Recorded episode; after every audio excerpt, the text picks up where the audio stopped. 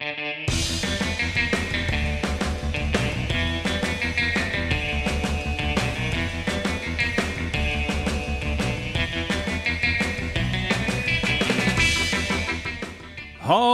daar en welkom bij Studio Magic, de Nederlandstalige podcast over alles wat te maken heeft met Magic the Gathering. Mijn naam is Jeroen Koster. Mijn naam is Arjan Ang. En ik ben Dave Bergsen. Dit is aflevering 36 en het is onze bespreking van de nieuwe set Tyros Beyond Death. Zeker, zeker. En de release datum van deze set is 16 januari 2020 uh, voor Magic the Gathering Arena en Magic the Gathering Online. En 24 januari 2020 voor Paper. Ja. Ja, het is een set met 254 kaarten. En dat is nog afgezien van het aantal kaarten die je niet in de draftboosters kunt vinden. Bijvoorbeeld kaarten die alleen in Planeswalker deck zitten. Uh, dat zijn in dit geval 8. En uh, er is ook nog een buy box promo. En daarnaast hebben we dan ook nog wat kaarten met alternatieve art of alternatieve cardframes. Alles bij elkaar komt dat ongeveer uit op 103 extra kaarten. Ja, ja maar effectief dus eigenlijk gewoon zo'n ongeveer 250 nieuwe. Ja. Er zijn dit keer ook geen nieuwe pre-constructed brawl decks. Dat was bij de vorige set bij Throne of Eldraine wel zo. Misschien dat ze het eens in zoveel tijd gaan doen. Of dat ze Brawl nu helemaal links laten liggen. dus daar hoeven we ons niet mee bezig te houden. Maar dat even over de getallen. Wat valt er eigenlijk te vertellen over de flavor van deze set? Ja, Teros Beyond Death is eigenlijk een beetje een vervolgset op uh, de set Teros. Van een paar jaar geleden? Uh, ja, inmiddels denk ik 7, 8 jaar geleden. 7 alweer. En. Uh, ja, deze set is dus net als die set gebaseerd op de Griekse mythen. Ja. En wat wel grappig is om te vertellen is nog dat Teros eigenlijk gewoon een beetje een woordspeling is op het woord heroes. Oh, serieus? dus we hadden Teros en we hebben Heroes. Uh. Maar goed, nu is het uh, Beyond Death. En dat is wel grappig, want... Um, was dat nou de vorige keer dat... Uh, toen is Elspeth, die is toen overleden op Teros. Dacht de ik. Planeswalker Elspeth, ja, ja, volgens mij wel, ja. Precies, en die komt eigenlijk in deze set, dat is een beetje het verhaal rondom de set, komt, ze staat ze weer op uit de dood. En uh, daarom heet het Beyond Death. Ja, ja, ja ze ontsnapt de dood een beetje, volgens mij. Is een ja. beetje het uh, thema. Ja, Inderdaad, maar daar lopen, nu lopen we heel erg op de zaken vooruit. Daar gaan we het zo meteen over hebben, over wat er allemaal in deze nieuwe set gebeurt. Maar Dave, uh, ik was eigenlijk benieuwd. Uh, jij wist heel precies dat uh, de vorige Teros zeven jaar geleden was. Jij bent ook begonnen toen met Magic spelen ja, rond die tijd. Heb klopt. jij een beetje warme herinneringen daaraan? Zeker, zeker. Ja, dat is inderdaad de allereerste set die ik ooit gespeeld heb. Die ik gedraft heb, gesealed mee op Zult. En waarvan ik dus ook heel veel thuis heb liggen. Dus om die redenen. En ja, ik, voor mij staat de eerste Teros echt in het teken van de allereerste keer dat ik Magic speelde. En dat, ja. Dus ik ben heel erg ja, warm gevoelens, zeker. Leuk, dus je kijkt ook extra uit naar deze set? Of, ja, uh... dat ook, ja, ja. En inderdaad dat het dus alweer bijna zeven jaar is dat ik Magic speel. Dat is best wel lang alweer. Ja, uh, ja het is dus wederom de Griekse mythologie, uh, mythen en zagen uit oude Griekenland als inspiratiebron. Wat voor twist Wizards of the Coast daar dit keer aan geeft, daar gaan we dus straks over hebben. Maar eerst even dan over zeg maar, het bronmateriaal. Wat weten wij daar eigenlijk over? Zijn jullie überhaupt een beetje bekend met Griekse mythologie? Nee, niet echt. Nou ja, ik ken er wel een paar. Ja, je kent wel een paar van dat soort verhalen. Ja, ja en ik heb vroeger ook wel uh, boeken over gelezen. Ik ben niet klassiek geschoold of iets Ja. dergelijks, maar ik heb er wel boeken over Ja. gelezen. En ja, in de, ook in, in de popculture, zeg maar, komt het ook heel vaak terug. Ja, precies. En uh, nou, niet alleen popculture, maar überhaupt cultuur. Er zijn ontzettend veel uitdrukkingen die, we die overgebleven zijn of die gebaseerd zijn op verhalen zeg maar, uit de Griekse mythologie. Ja, En, uh, Sisyphus' uh, arbeid, een Tantalus kwelling, het zwaard van Damocles, noem het allemaal maar op. En het is eigenlijk wel, uh, ja, het is eigenlijk, als je er een beetje induikt, is het echt ongelooflijk hoeveel we eigenlijk uit die cultuur, uit die mythen en zagen nog, ja, dagelijks tegenkomen in, uh, uh, in taal, maar ook in bijvoorbeeld, inderdaad, zoals jij al zegt, populaire cultuur zoals Mhm. films, boeken. nou, ik denk dat het in ieder geval zeker voor de West-Europese cultuur wel een soort van ja, basis is voor verhalen vertellen Ja, ook. Net als bijbelverhalen uh, gebeuren er best wel gruwelijke dingen in, maar het is ook een soort, het is ook een soort uh, Game of Thrones af en toe wat dat betreft. Met, Ja, ik eh, denk, dat, ik denk dat Game of Thrones eigenlijk nog een beetje tam is. ja, vergeleken bij, dit. eh, ja. bij, bij die mythe. Dat Ja. gaat soms wel echt heel ver. En het is Ja. ook wel echt tamelijk absurd. Dus eh, bij tijd en wijlen. Ik zei Ja. trouwens net West-Europees, maar ik denk dat je ook wel kan zeggen Europese Ja, ja, verhalen, geschiedenis. ja.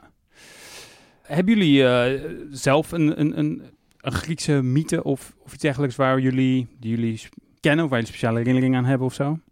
Nou, eh, eentje die ik nog wel eens gebruik, maar die noemde je net al als de tantaluskwelling. Oh, ja.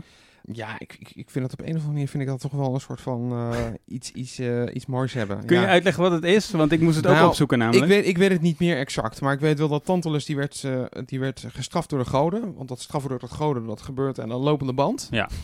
En wat ze nou met hem deden, was dat hij, eh, hij stond eigenlijk in het water. En hij had dan ontzettend veel dorst.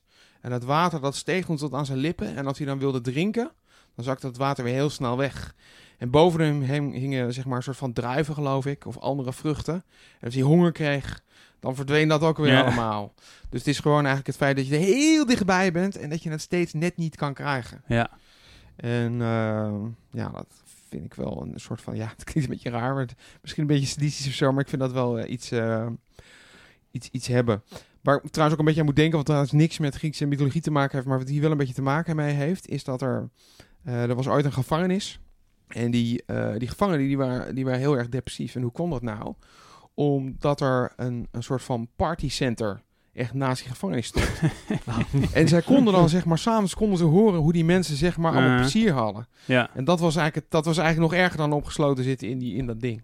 Oh, verschrikkelijk. Heftig. Dus daar moest ik een beetje aan denken. Ja, ja een tantaluskwelling in de zin dat, dat je ja, vlakbij iets bent wat je heel graag wil hebben, maar je kan het net niet krijgen. Precies. Zoals je ja, in een kooi naast een pannenkoek zit, bijvoorbeeld. Terwijl je niet erbij kan. Zou het dan voor mij een eh tantaluskwelling zijn. Maar je had het over gevangenis. Ehm, wat ik een van de meest fascinerende Griekse mythes vind, het, dat gaat over de, de Minotaurus. Ja, En eigenlijk ook over het labyrint waar die in opgesloten zit. Dat labyrint was ooit gebouwd door de architect Daedalus om de Minotaurus op te sluiten. Minotaurus was dan een, eh, een monster. Ja, je ziet ze ook op Magic kaarten wel staan. Met het lichaam van een man, maar eh, de kop van een stier. Mhm. En volgens mij de allereerste keer, misschien is ook mijn eerste aanraking met dit soort verhalen, was toen Suske en Wiske in een verhaal op Kreta terechtkwamen. En toen via, ik weet niet of het met de tijdmachine was of met iets anders magisch, maar ze kwamen dus zeg maar in die Grieks-mythologische wereld terecht en kwamen ook oog in oog te staan met de Minotaurus. ja. Maar als je dus het verhaal van de Minotaurus, als je daar een beetje in verdiept, het is inderdaad echt een gruwelijk verhaal.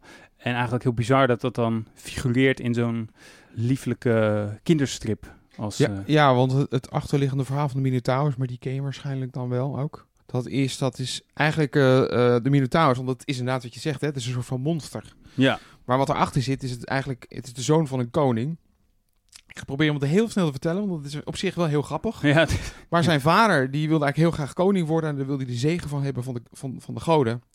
Eh, van Poseidon, geloof ik. ja, hij had een strijd met zijn broers over wie nou de rechtmatige koning was. Dus die zeiden, "Joh, stuur even een teken dat ik inderdaad de koning ben. Precies. En dat teken was dan een witte stier. Een witte stier. Ja. Nou, allemaal mooi. Maar Ja. Had wel de eis gesteld van... Je moet hem wel, op het moment dat je dat ziet, moet je hem meteen weer offeren. Ja. En hij vond die witte stier zo mooi. Dat deed hij dus niet. En toen werd hij vervolgens gestraft door de vrouw van de koning... smoor verliefd te laten worden op de witte stier. Ja, Dave, daar kijk je nu heel raar van op. Ja, rode wangetjes maar het hier. wordt, eh. nog, het, wordt nog veel, het, wordt nog veel Nou, gekker. Nee. Want op een gegeven moment... Even eh, kijken of we deze podcast eh, wel eh, voor alle leeftijden kunnen houden. Dus, Deze, ja, deze, deze, ehm, die vrouw, eh, hoe heet ze ook weer? Want dat weet ik niet meer. Per- Persifee of zo? Ik moet, ja, dat zou ik moeten opzoeken. Weet ik niet uit mijn hoofd. Klinkt als 2 voor 12. Ja. En, ehm, eh, maar goed, die vroeg dus aan Daedalus. Vroeg ze op een gegeven moment, zij dus ontzettend smoor verliefd op die stier. Vroeg ze om een soort van kunstkoe te maken, waar zij zich in kon verstoppen. Zodat ze zich kon laten dekken door de witte stier. Oké. Nou, En eh, zo geschiedde dus. Eh, daar was de koning ook helemaal niet blij mee. nee. En die Daedalus, ja, het was wel een beetje een belhamel, want hoe verzin je het in godsnaam? Ja. ja. Maar eh, eh, zo eh, kreeg zij dus een zoon van die witte stier. En die werd vervolgens opgesloten in dat doolhof. Ja, want ze gingen op een gegeven moment mensenvlees eh, voeren en eh, werd eh, een beetje, ze konden hem niet meer echt in toom houden. Ze hebben ze hem in een speciaal gebouwd labyrint opgesloten, ook gebouwd door diezelfde Daedalus. En daar was dan het idee dat ze elk jaar moesten dan de mensen van Athene zeven jongens en zeven meisjes dat doolhof insturen Mhm. als offer. Nou, zal ik even heel snel vertellen hoe het afliep. Op een gegeven moment kwam er dus een Griekse held uit Athene, kwam die, was koningszoon, eh, Theseus of Theseus Mhm. heet hij dan denk ik. Die ging er naartoe en die zei, oké, ik ga dit even oplossen. Zij ging er met de boot heen en het was dan traditie dat die jongeren die werden dan ingescheept eh, en die voeren daarheen op een boot met eh, zwarte zeilen, al een beetje zeg maar in de rouwstemming. En ehm, die werden naartoe gebracht en in de dolf gestopt. Maar toen zei hij tegen zijn vader, weet je wat, ik ga er naartoe, ga die Minotaurus verslaan. En als ik terugkom, dan zijn die zeilen wit, want dan heb ik hem eh, verslagen als het allemaal lukt. Nou, dat heeft hij gedaan. Kreeg een zwaard mee van zijn pa. Hij kreeg een bolletje wol. Kreeg hij van eh, Ariadne. Die was op hem verliefd geworden. Lang verhaal. Het is hem gelukt. Hij heeft de Minotaurus verslagen met dat zwaard. Hij is het doolhof weer uitgekomen door dat bolletje wol eh, uit te rollen. Eigenlijk een soort van voorloper op eh Hans Hans en en Grietje. Grietje. Ja, precies. Het is gelukt. En toen ging hij terug met de boot. Maar hij was vergeten dat hij zijn vader had beloofd om die zeilen wit te maken. Dus hij voer terug met zwarte zeilen. En zijn vader zag die boot aankomen en denkt, oh shit, hij is dood. En toen heeft hij uit, zeg maar, verdriet, heeft hij eh, koning van Athene heeft zelfmoord gepleegd omdat hij dacht dat zijn zoon dood was, terwijl het niet zo was. En dat is dan eigenlijk weer een beetje zo van Romeo Julia-achtig Ja, ja, iets. ja.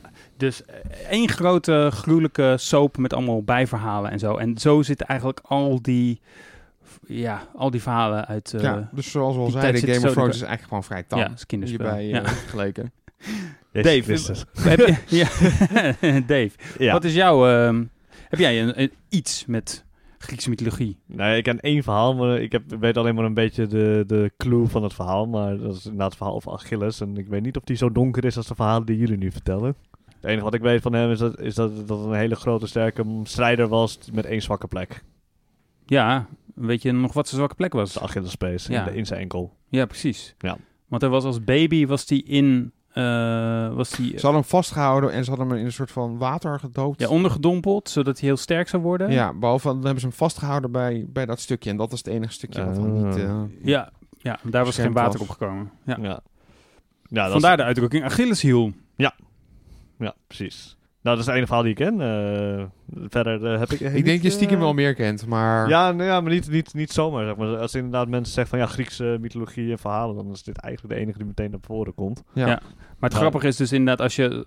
Ja, soms als je bijvoorbeeld verdiept in de trivia over een bepaalde film... of nu dan zo'n Magic set... eh, dan kom je erachter dat je eigenlijk meer erover weet dan je denkt. Omdat je via popcultuur, Ja. literatuur, whatever... eh, al in de loop der jaren al heel veel van dit soort verhalen hebt eh, gehoord. Tijd om dan nu wel in te zoomen op, eh, op Teros. Dus wat Wizards ervan hebben gebrouwen van al dit eh, eh, geweld. Jullie liepen net al een klein beetje op vooruit. Inderdaad, in Teros, dat verhaal, verhaal eindigde er min of meer mee dat Elfred dus inderdaad doodging. Of in de onderwereld terecht kwam. Net als in de Griekse mythologie heb je ook een onderwereld waar je dan naartoe gebracht wordt in een bootje Mhm. en zo. En deze set gaat over haar ontsnapping ja. Daaruit. Ze Ja. probeert te ontsnappen uit de onderwereld. En dat is wel een heel belangrijk thema in deze set. Ze zit dus ook zelf ook met een nieuwe Planeswalker kaart. eh, ook in Teros Beyond Death. Ja, ja.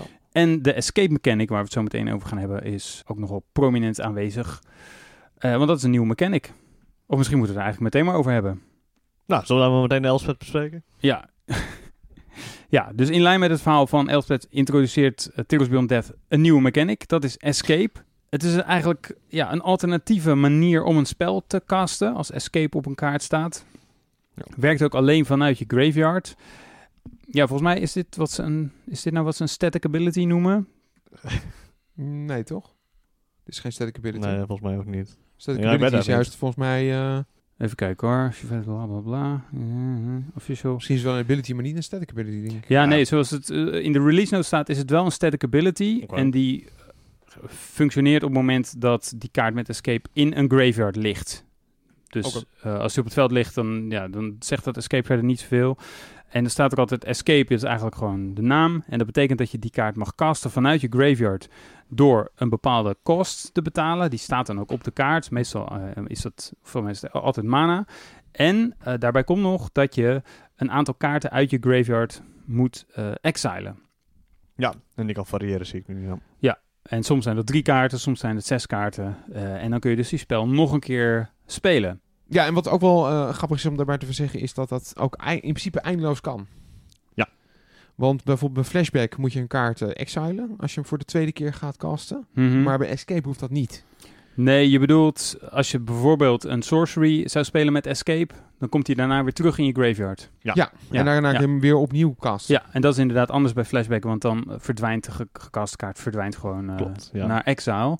Misschien moeten we als voorbeeld gewoon meteen eventjes de hoofdrolspeler uit deze set Ja. erbij pakken. De Planeswalker kaart Elspeth, Sun's Nemesis, Dave. Ja, vier maanden. Legendary Planeswalker. Els- Elspeth startet op 5 loyalty met drie abilities. Een min 1. Uh, up to two target creatures you control each get plus 2 plus 1 until end of turn. Uh, min 2 create 2 1-1 white human soldier creature tokens. En min 3 gain 5 life. Ja. Eh, met inderdaad escape. In dit geval voor 6 mana. En voor 4 kaarten mag je Elspeth vanuit je graveyard weer gewoon spelen. Ja, nou opvallend is meteen eigenlijk... Deze Planeswalker heeft alleen maar min abilities. Ja. Dat zien we niet zo vaak. Ja, in War of the Spark had je dat bij die eh, Uncommon Planeswalkers. Die hadden dan wel een static ability. Maar verder kon je ze alleen maar minussen. En dan waren ze op een gegeven moment dood bijvoorbeeld. Ja.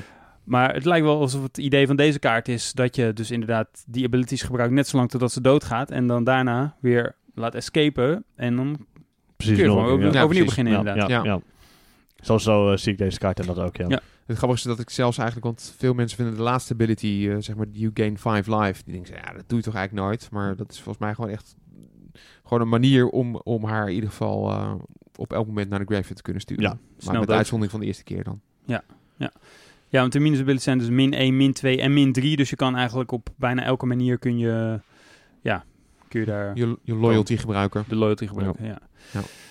Wat wel grappig is, ik, eh, ik kan zeggen dat ik deze kaart had op de pre-release. Mhm. Mhm, ja. En, nou ja, eh, le- leuke ability. Laat ik dat zo zeggen. Ja? Escape bedoel je? Ja, ja. Want je zou denken van, nou die kaart eh, escape, hè, vier kaarten. Maar er zitten wel gewoon in Teros zitten wel echt wat, wat eh, effecten waardoor je Ja. kaarten naar de graveyard kan krijgen. ja, dat vroeg me dus heel erg af. Want voor mij, dit was een van de eerste kaarten volgens mij die gespoild werd. Dus toen maakte de wereld ook meteen kennis met Escape. En dan was natuurlijk de grote vraag, eh, ja, is dat nou duur of niet? Weet je, dat je vier extra kaarten uit je graveyard moet, moet exilen. Ja, die krijg je er niet zomaar in.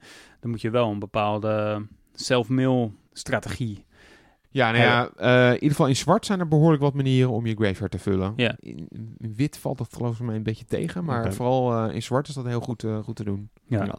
Heb je deze toen ook in een zwart-wit deck gespeeld? Eh, nee, Oh, oké. ik heb deze in een eh, zwart-groen, of een, sorry, in een groen-wit deck gespeeld. Groen-wit. Dus daarin was eh, wel iets minder, hoewel de eerste ability dan ook toch nog steeds wel goed is. Ja. Maar het is wel wat moeilijker om te escapen in andere kleuren zonder zwart, denk ik. Duidelijk, ja. Ja. Oké. Nou, er zijn in totaal 20 of 23 of zo kaarten waar daadwerkelijk Escape op staat in deze set. Mhm. En nou, dat is dus één Planeswalker, maar eh, er zijn ook creatures met Escape, er zijn instants, er zijn eh, sorceries met Escape. Enchantments? Ja, dat is één enchantment met escape. En een enchantment. En daar komen we denk ik eh, straks nog... Nou, die heeft trouwens zelf geen Escape. Maar Die geeft komen- escape, ja. Die geeft Escape. Maar er is wel een andere enchantment met escape. Oh, is oh. een witte, een witte enchantment, die geeft plus 1 plus 1 een vigilance aan een creature. Oh ja. En als je kapot gaat, moet je twee kaarten exilen en dan kan je hem weer opnieuw spelen.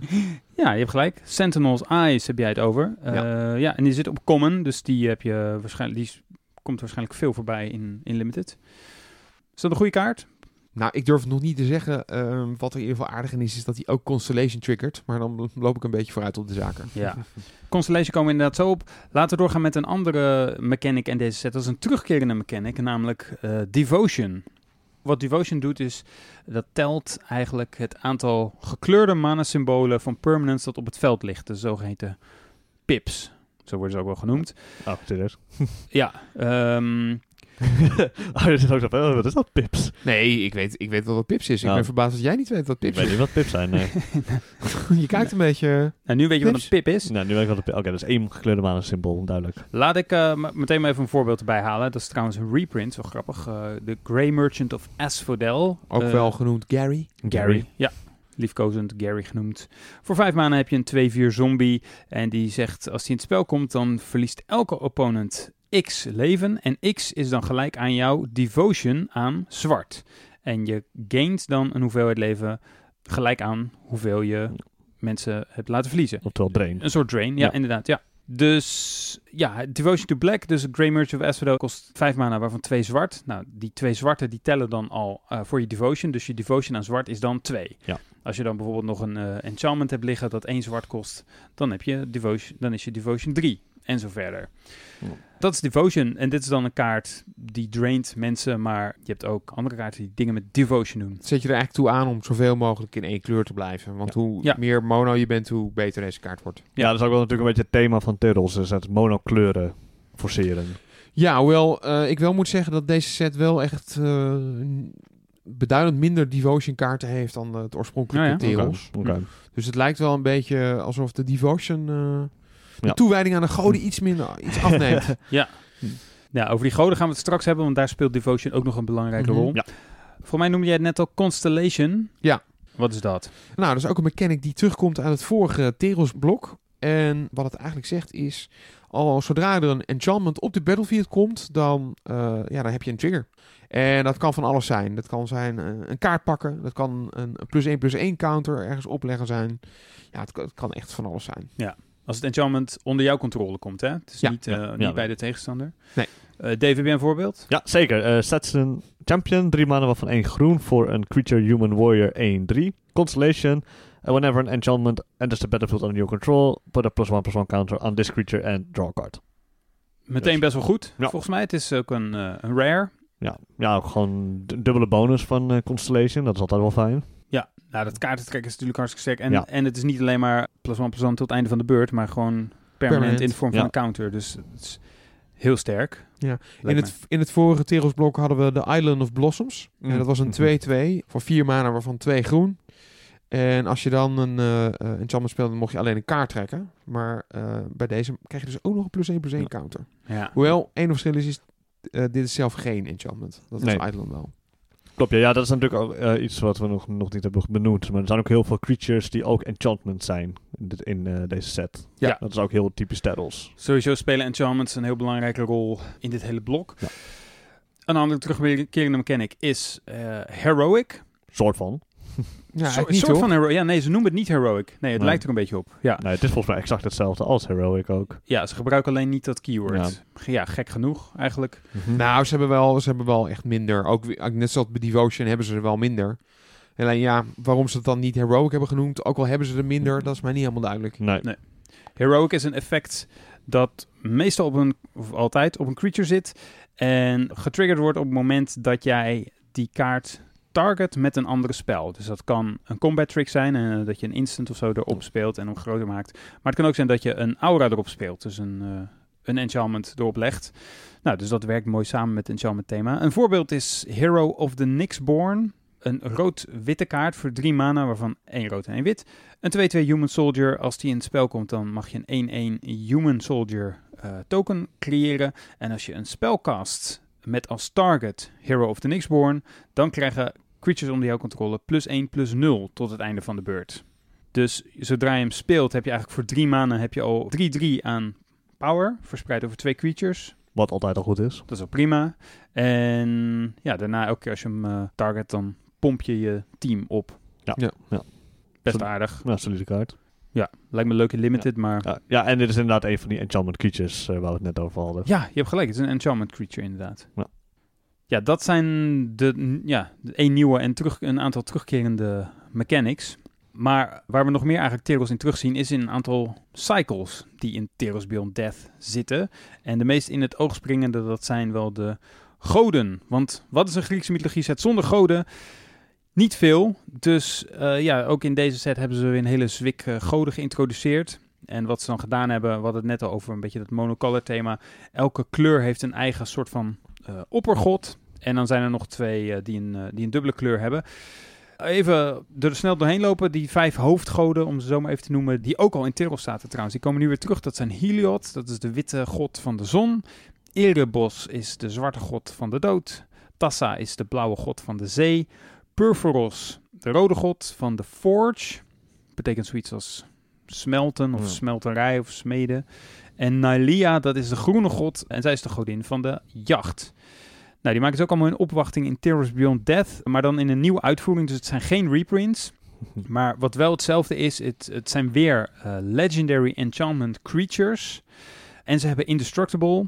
Ze hebben een behoorlijk goede ja, power en toughness als je eh, dat afzet tegen hun eh, castingkost. Eh er is alleen wel een maar. Op het moment dat je speelt zijn ze meestal nog geen creature. Ze zijn pas een creature op het moment dat de devotion aan hun specifieke kleur vijf of meer is. Dus De- als er voldoende geloof is in de goden, dan bestaan ze pas. Ja, dat is wel, vind ik heel mooi flavorvol ontworpen. Mhm. Ik bij Ja. de vorige set ook al. Eh, dus als je bijvoorbeeld, ehm nou ja, Heliod hebt, die kost drie mana, waarvan één wit. En dan heb je een 5-5 Legendary Enchantment Creature met als type God. Die is indestructible. Maar ja, het is nog geen creature, tenzij je nog op de battlefield nog vier andere van die witte pips hebt, eh, hebt liggen op andere permanents. Dan wordt hij dus opeens een creature. Ja, wat misschien eigenlijk ook nog wel aardig is om deze, over deze kaart, is dat eh, er een, zogenaamde infinite combo is Ja. eh, met de zogenaamde walking ballista. Ja, want ik had nog niet alle tekst voorgelezen. Want zelfs Nou. als hij geen creature is, dan heeft hij nog steeds, kan hij nog steeds een en ander. Wil jij Ja. dat voorlezen? Of? Uh, whenever you gain life, put a plus one plus one counter on target creature or enchantment you control. And an ability voor twee mana waarvan één wit. Another target creature gains lifelink until end of turn. Dus hoe werkt de combo, Arjan? Je hebt een eh, Walking Ballista, dat is een artefact. Die kun je neerleggen voor x mana. Je moet er in ieder geval twee betalen. Dan komt hij met één counter komt hij in play. Een plus 1 plus 1 counter? Een plus 1 plus 1 counter. En die kan je zonder er iets voor te betalen, kan je die gebruiken om aan, een, een target 1 damage te doen. Op het moment dat je in ieder geval tenminste twee counters hebt, en je geeft deze lifelink, Mhm. de, de Walking Ballista, kan je dus iemand pingen met die ene damage. En Heliod die geeft dan meteen weer, omdat eh, de Walking Ballista dan ook lifelink heeft, de Walking Ballista een counter terug. Ja. En ja, en dat kan je eigenlijk gewoon eindeloos reproduceren. Ja, mits de balkmelister naar twee counters heeft. Ja, ja, hij heeft wel minimaal twee counters Ja, nodig. twee counters en dat inderdaad dat hij een live gain heeft gekregen. Dus je moet wel Heliod activeren. Dus hoe het normaal zou gaan met die twee kaarten is... op beurt 2 speel je Walking Ballista. En dan speel je op beurt 3 speel je Heliod. Ja. En... ehm, nee, want je hebt, dan moet dan nog een counter Ja. hebben. Ik had zelf bedacht eigenlijk dat als je het combineert met Hardened Skills...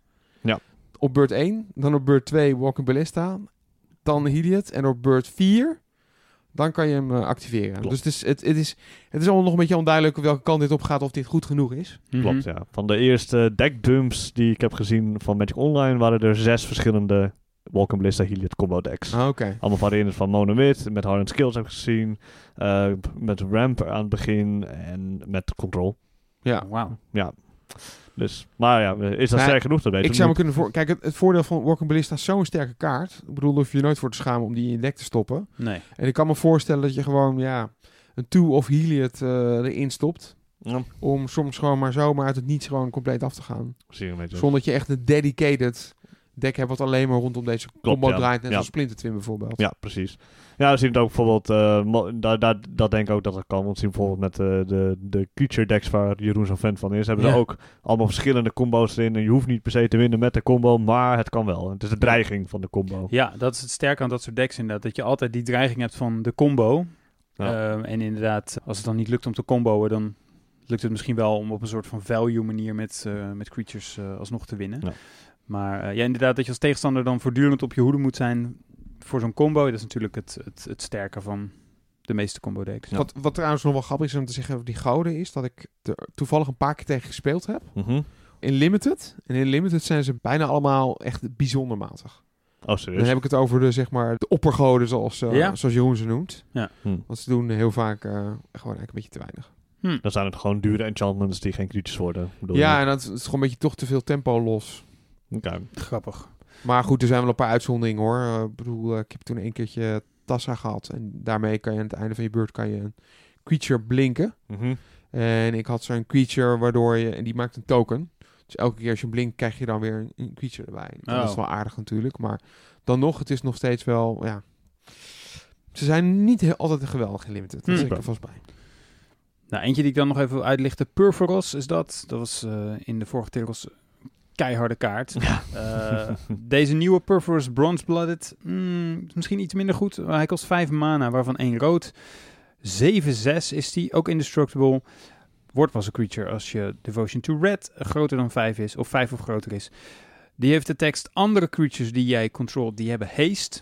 En voor 3 mana, waarvan één eh, rood, mag je een rode creature card of een artifact creature card uit je hand op de battlefield leggen. En die moet je dan wel opofferen aan het begin van de volgende endstep. Ja. Nou, dat lijkt op een hele bekende, populaire en dure kaart, namelijk Sneak Attack. Mhm. Dat is een, eh, enchantment voor 4 mana. En dan mag je een creature voor 1 rood in het spel leggen. Dat is een stuk goedkoper en dat heeft dan ook haste. Dus dit is gewoon een soort sneak Maar- attack. Ja, maar het grootste verschil vind ik nog wel, behalve dat deze dan twee mana meer kost om te activeren, is dat je alleen maar rode creatures Ja. in play mag eh, cheaten. Ja, goed, Dus op- dat- goed, goed opgemerkt. Dus ja, dat. eh, nee, ik vind dit een vrij waardeloze kaart eigenlijk. en ik, ik, ik zeg dat ook met enigszins. eh, eh, ja, ik vind het jammer om te moeten zeggen, want die andere Purfros, die heb ik nog best wel veel in standards gespeeld zelfs. Ja, Ja. ja. Dus ehm, ik, ik heb goede herinneringen aan Purfros, maar deze Purfros die doet het niet voor me. Het is Ook in, eh, in veel commander decks is het als je Purples op tafel hebt, dan eh, ja, dan hij wordt meestal gespeeld in decks waarbij je aan de lopende band creature in het spel legt. En het idee van die Purpose is als er een creature in het spel komt, dan doe je twee schade aan elke tegenstander. Ja, En dat gaat heel erg sounds hard. like a plan in Sounds like a- Ja. Zeker. Dus eh, nou goed, elke kleur heeft dus zijn eigen god. Er zijn ook nog twee kleurencombinaties die ook een god hebben. Dat is de zwart-witte god Atreus. Dat is een nieuwe uitvoering van Atreus uit Journey into Nyx. Dat was ehm, een van de sets uit Tirkelsblok. Zijn rol is het verzorgen van de overgang van het rijk van de levenden naar het rijk van de doden. Dus een soort van schipper. Ja, Gar- Garon. Hm? Garon. Heet hij toch? zo in het... eh, in Ja, het dat zou- is, dat is die, eh, die de boel overvaart, ja. En er is een nieuwe god, de rood-groene god Clotis, God of Destiny. Die wil ik ook Pardon? Cloitis. Hè? Cloitis, toch? Clo Clotis? Ja, ik- ja, het, ja. Staat er, het staat er echt, jongens. Clotis, God of Destiny. Drie mana, waarvan één rood en één groen. Legendary Enchantment Creature. God 4, 5, Indestructible. Zolang je devotion aan rood en groen minder dan 7 is, dan is Clotis geen creature. Dus als je een dubbelkleurige god hebt, dan moet je devotion Ja. ook twee hoger zijn. Ja. Omdat die devotion ja, is net iets makkelijker te bereiken in het Volgt algemeen. ook het patroon van de, van de goden uit eh, Journey into Nyx. Die hadden dit ook. Ja, als ze dubbele kleuren hadden, dan moest een devotion hoger zijn. Ja. Aan Is, het toch begin... niet, is toch niet Clovis? Kan, Clo Clovis? Nou, klote naam. Ik hou, ik het even bij Clotis. Ja, oké. ja ik, Ja, Ik vind het gewoon lekker. Ga verder. At the beginning of your... eh, nee, aan het begin van je pre-combat main phase, dus je eerste main phase, dan mag je een kaart, target kaart uit een graveyard exilen. Als dat een landje was, dan mag je een rood of een groen aan je manapool toevoegen. En anders, dus als het geen landje was, dan gain je twee leven en dan doet Clotis twee damage aan elke opponent. dus dit is de vervanger van Senegals eigenlijk. Toch?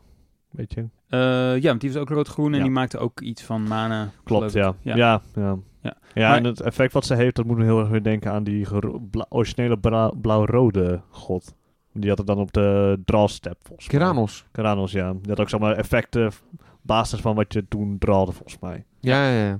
Ja. Nou, ik, ik, ik heb zelfs een vergelijking gehoord eh, eh, met uh, Devrat Shaman. Ja. Of Shaman. Dat- ja.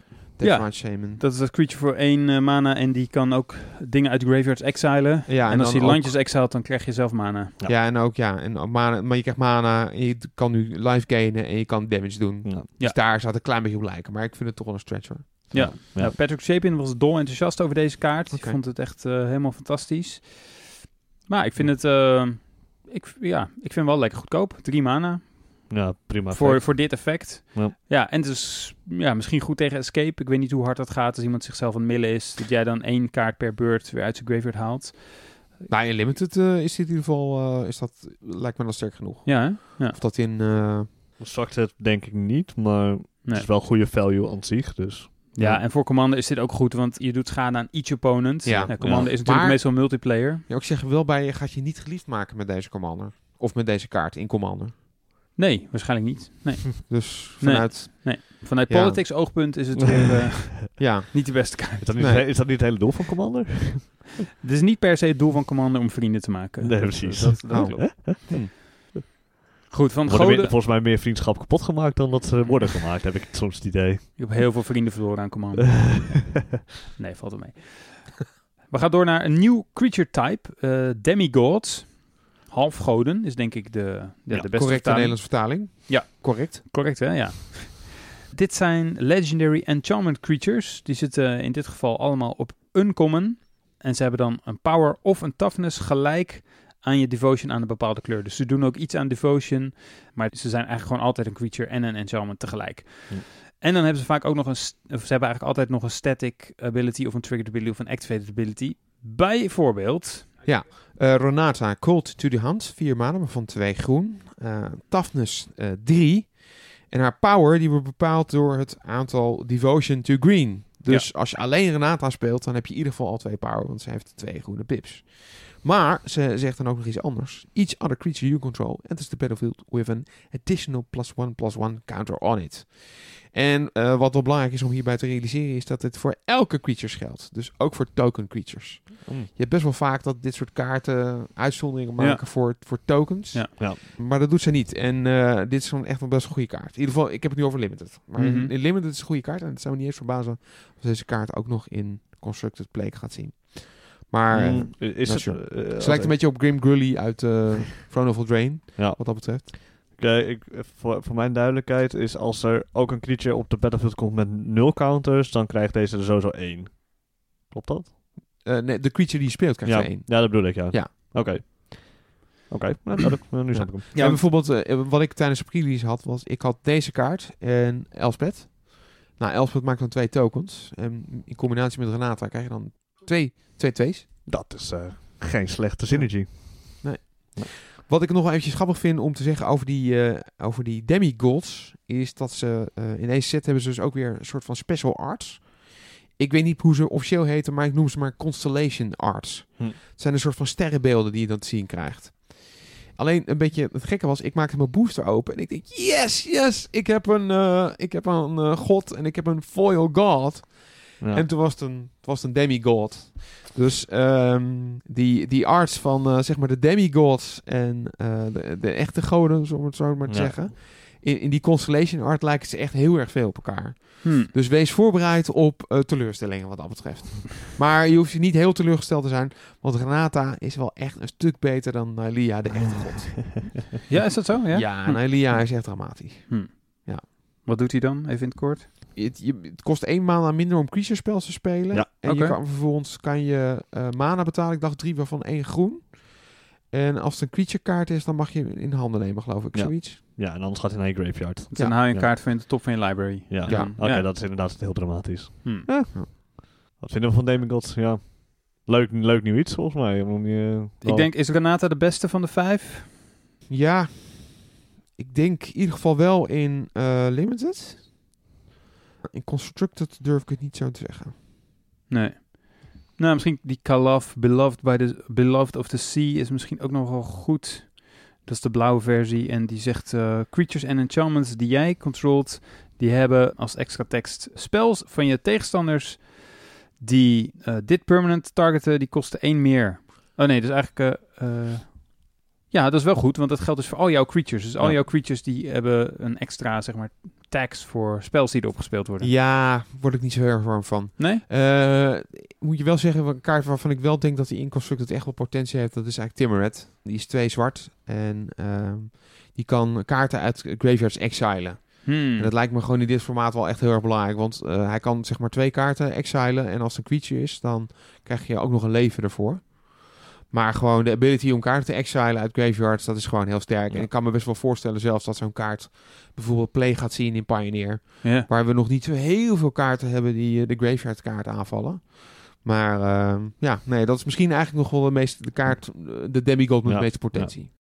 Ja, tot nu toe hebben we een aantal creatures uitgelicht, omdat het zo uitkwam. Maar eh, er is ook een cycle die eigenlijk alleen maar instant en sorceries zijn. Dat zijn de interventions. Elk van de vijf goden heeft zijn, zijn of haar eigen intervention. Dus je hebt Helio's intervention, Erebos' intervention enzovoort. Zijn allemaal dus, eh, ja, zoals ik al zei, instants eh, of sorceries op rare. En ze hebben een X in de casting cost.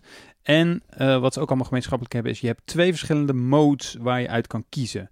En de ene mode die doet dan iets wat gelijk is aan x. En de tweede mode die doet iets wat gelijk is aan 2 keer x. Nou, laat ik dan meteen een voorbeeld geven. Erebos' intervention, die kost x en een zwart. Is een instant. En dan mag je kiezen tussen target creature krijgt min x, min x tot het einde van de beurt. En jij gaint x leven. Of eh, exile maximaal twee keer x target cards uit graveyards. Dus stel je betaalt 5 mana, dan is x dus 4. Dan geef je een target creature min 4, min 4 en jij gaint 4 leven. Uh, maar je kan er dan ook voor kiezen om 2 keer 4 is 8 target kaarten uit graveyards te verwijderen. Dus als je het hebt over graveyard haat, dan is dit na Timaret ook best wel een eh, goede optie misschien. Ja, en gewoon mainboard removal. Ook gewoon tegelijkertijd. Ja, gewoon een de- first stack card. ja, dus dit is een... eh, nou ja, bijvoorbeeld in Limited lijkt me dit waanzinnig. Want removal is sowieso altijd eh, erg belangrijk om te hebben. En eh, het is graveyard haat. Ik vind het een goede kaart. Ja, ik ben niet zo weg van. Nee? Man, Nee, ik bedoel, het is een, het is een, het is een, eh, een prima kaart. Ehm, maar ik, ik heb toch wel vaak het idee dat een beetje bij die modal spels, of als je dat moet zeggen, van die X-spels, dat het in de praktijk toch wel vaak tegenvalt. Eh, dit is in ieder geval wel een instant, dus dat is wel een voordeel. Maar mij staat vaak een beetje bij dat je dan toch vaak wel een beetje met mana-problemen komt. Ik bedoel, eh, als, dan, als er iets mis is met vijf toughness of zo, dan kost het al zes mana om deze kaart te casten. Hm, ja. En dat is gewoon best wel veel. En ehm, Ja. omdat je twee opties hebt, dan lijkt het een beetje op soms van die commands. Maar je, je kan hier echt maar één ding doen. Dus je moet wel echt kiezen. En ik vind eigenlijk beide mo modussen, zeg maar, beide modi vind ik allebei oké. Maar dat je een keuze moet maken, vind ik ze zelf een beetje, toch een beetje matig. Ja? Je vindt de optelsom, vind je niet... eh, de, de veelzijdigheid, zeg maar, vind je niet zwaar genoeg wegen om hem... Nou, kijk, want ja, in welke situatie? Nou ja, goed, weet je, ik kan altijd wel iets bedenken. Ja. Maar ik zit zo te denken van als je die tweede ability heel graag wil hebben. Ja, ik denk dat, dat, dat Het je toch, exilen van graveyard kaarten, ja. Ja, ik, ik weet niet. Ik heb toch vaak het idee dat je. ehm, zijn betere opties. Dat je vaak toch dan liever de eerste optie zou kiezen of zo. Hmm. Of, en dat als je deze kaart echt alleen hebt voor de tweede optie, dat het dan misschien niet goed genoeg is. Ja. Want je, je bent dan niet bezig om de battlefield te, te impacten. Maar goed, misschien zijn de graveyards zo erg belangrijk, dat dit een heel belangrijk effect is. Maar Ja. Kijk, met Timbernet heb ik het idee, je hebt een soort van continu effect om graveyard eh, kaarten te exilen. En ja, bij deze is het dan na één keer weer klaar. Dus Ja. Deze is één keer heel veel en Dimret is continu twee. Ja, Weet je dat ja. idee? Ik, ik, ik, ik weet niet. Ik, ik, eh, ik, ik ben dit soort X-spels ben ik altijd een beetje, een beetje sceptisch. Hm. Oké. Nou, duidelijk, duidelijk. Alright. Ehm, wat ook terugkeert in deze set, dat zijn saga's. Die hebben we voor het laatst gezien, en ook voor het eerst trouwens, in Dominaria. Ja. Een saga is een bepaald soort enchantment. Eh, en een enchantment dat eigenlijk ja, een verhaal vertelt, zou je kunnen zeggen. Eh, ze komen in het spel en dan moet je er een counter op leggen en krijg je een bepaald effect. Dat noemen ze dan het eerste chapter. Dan de volgende beurt, als je een kaart trekt, dan leg je nog een counter erop. En dan begint het tweede chapter, heeft is ook weer een bepaald effect. En dan de derde eh, is er nog een effect. En daarna moet je ze meestal sacrificen. Er is nu geloof ik eentje die vier chapters heeft in plaats van drie. Ja, klopt. De Acrown Games. Uh, de Crowing Games, ja, volgens mij ook. In dit geval zijn er tien nieuwe saga's, twee in elke kleur. Allemaal monocolored. We hebben nog geen multicolored saga's gezien. Misschien komt het in de toekomst nog.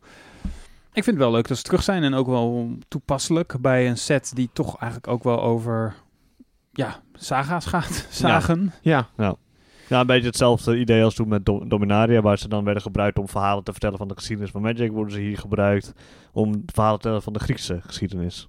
In ieder geval Grieks geïnspireerde geschiedenis. ja.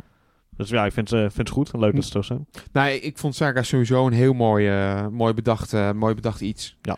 En eh, ja, ze passen perfect in deze set. Ook nog eens omdat eh, ze dus goed werken met Constellation. Ja, Want het zijn enchantments. Dus wat dat betreft is het eigenlijk gewoon een gouden greep dat ze terugkomen. Ja.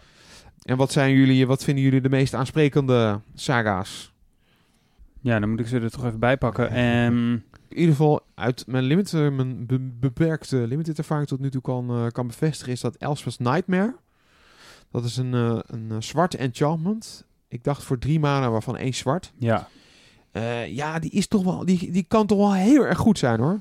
De eerste, de eerste chapter die zegt dat je een creature met twee power kan, kan destroyen. En de tweede, de tweede chapter is een soort van duress. Dan volgens mij een non-creature card, non-land card. Mag je uit iemands hand eh, weghalen. ja. Nou, limit, dat betekent heel vaak dat je gewoon een remove spel weghaalt bijvoorbeeld. Ja. En dan is de laatste ability is van Exile Opponent's Graveyard.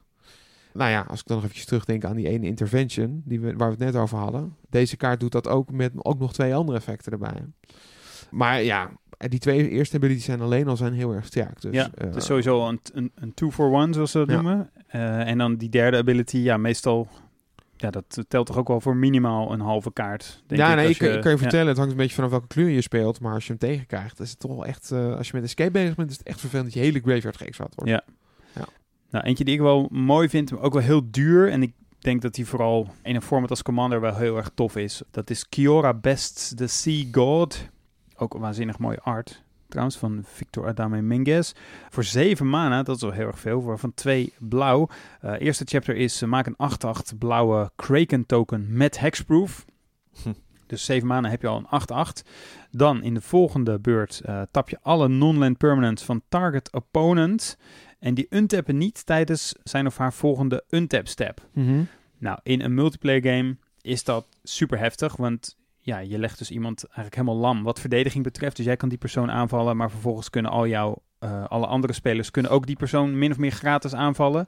En dan ook nog eens in die persoon zijn beurt untappen zijn creatures niet. Dus kan er nog een ronde, kan iedereen daar langskomen. Nou, eigenlijk schakel je dan gewoon Jij tegenstander bent, uit. jij bent volgens mij echt immens populair op je, je commandogroep. eh. Misschien moet ik hier eh, niet zo verlekkerd over, over praten.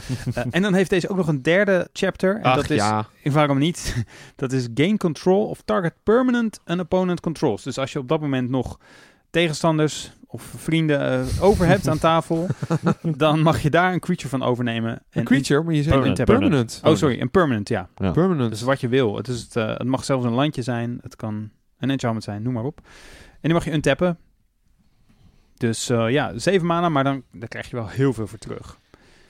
Ja, ik, eh, ik weet niet of het goed genoeg is, maar ik, ik, ik, ga deze kaart in ieder geval even proberen in de cube. Ja. Ja. Nou, leuk.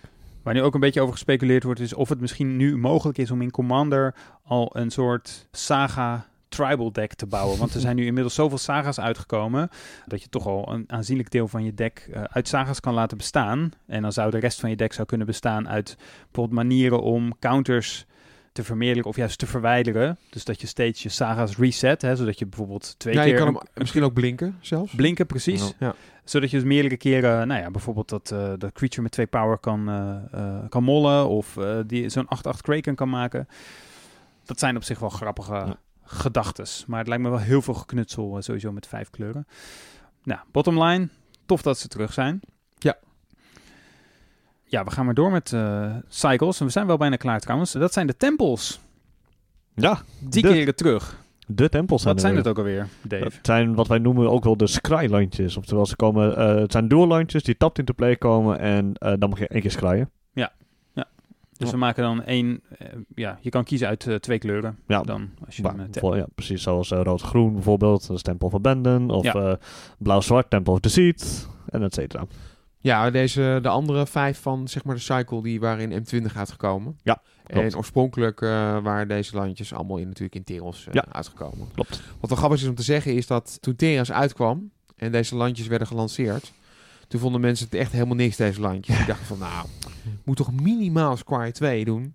Ja, precies. Maar gaandeweg kwamen er toch achter dat dit in principe, zeker in standard, echt eh, prima landjes zijn. Zeker in dat standaard blok, want het was echt een heel traag standaard blok was dat. Oké, ja. Ja, meestal wat we op dit punt in de setbespreking doen, is dat we per kleur een x aantal kaarten bespreken. Dat gaan we nu anders aanpakken. We gaan ja, eigenlijk min of meer per categorie eh, een aantal kaarten eruit lichten. Dus we hebben een paar eh, ja, kleine lijstjes gemaakt. En het eerste lijstje waar we even naar gaan kijken, dat zijn de kaarten die misschien iets zouden kunnen gaan doen in Modern. Laten we eens beginnen met de Dryad of the Elysian Grove. Dat is voor drie maanden, waarvan één groen, een enchantment creature, Nymph. 2-4. eh, en die zegt, je, eh, je mag in elke beurt een extra landje spelen. En die zegt ook nog dat jouw landjes alle basic land types hebben. Kortom, ze kunnen gewoon alle mana produceren. Ja. Ja, nou, dat lijkt heel erg op de Enchantment Prismatic Omen. Die doet exact hetzelfde effect. Met een eh, effect dat je dus nog een extra land mag spelen elke beurt op een creature. Nou goed, hij doet dingen die we al wel eens eerder hebben gezien op kaarten. Daar komt het op neer.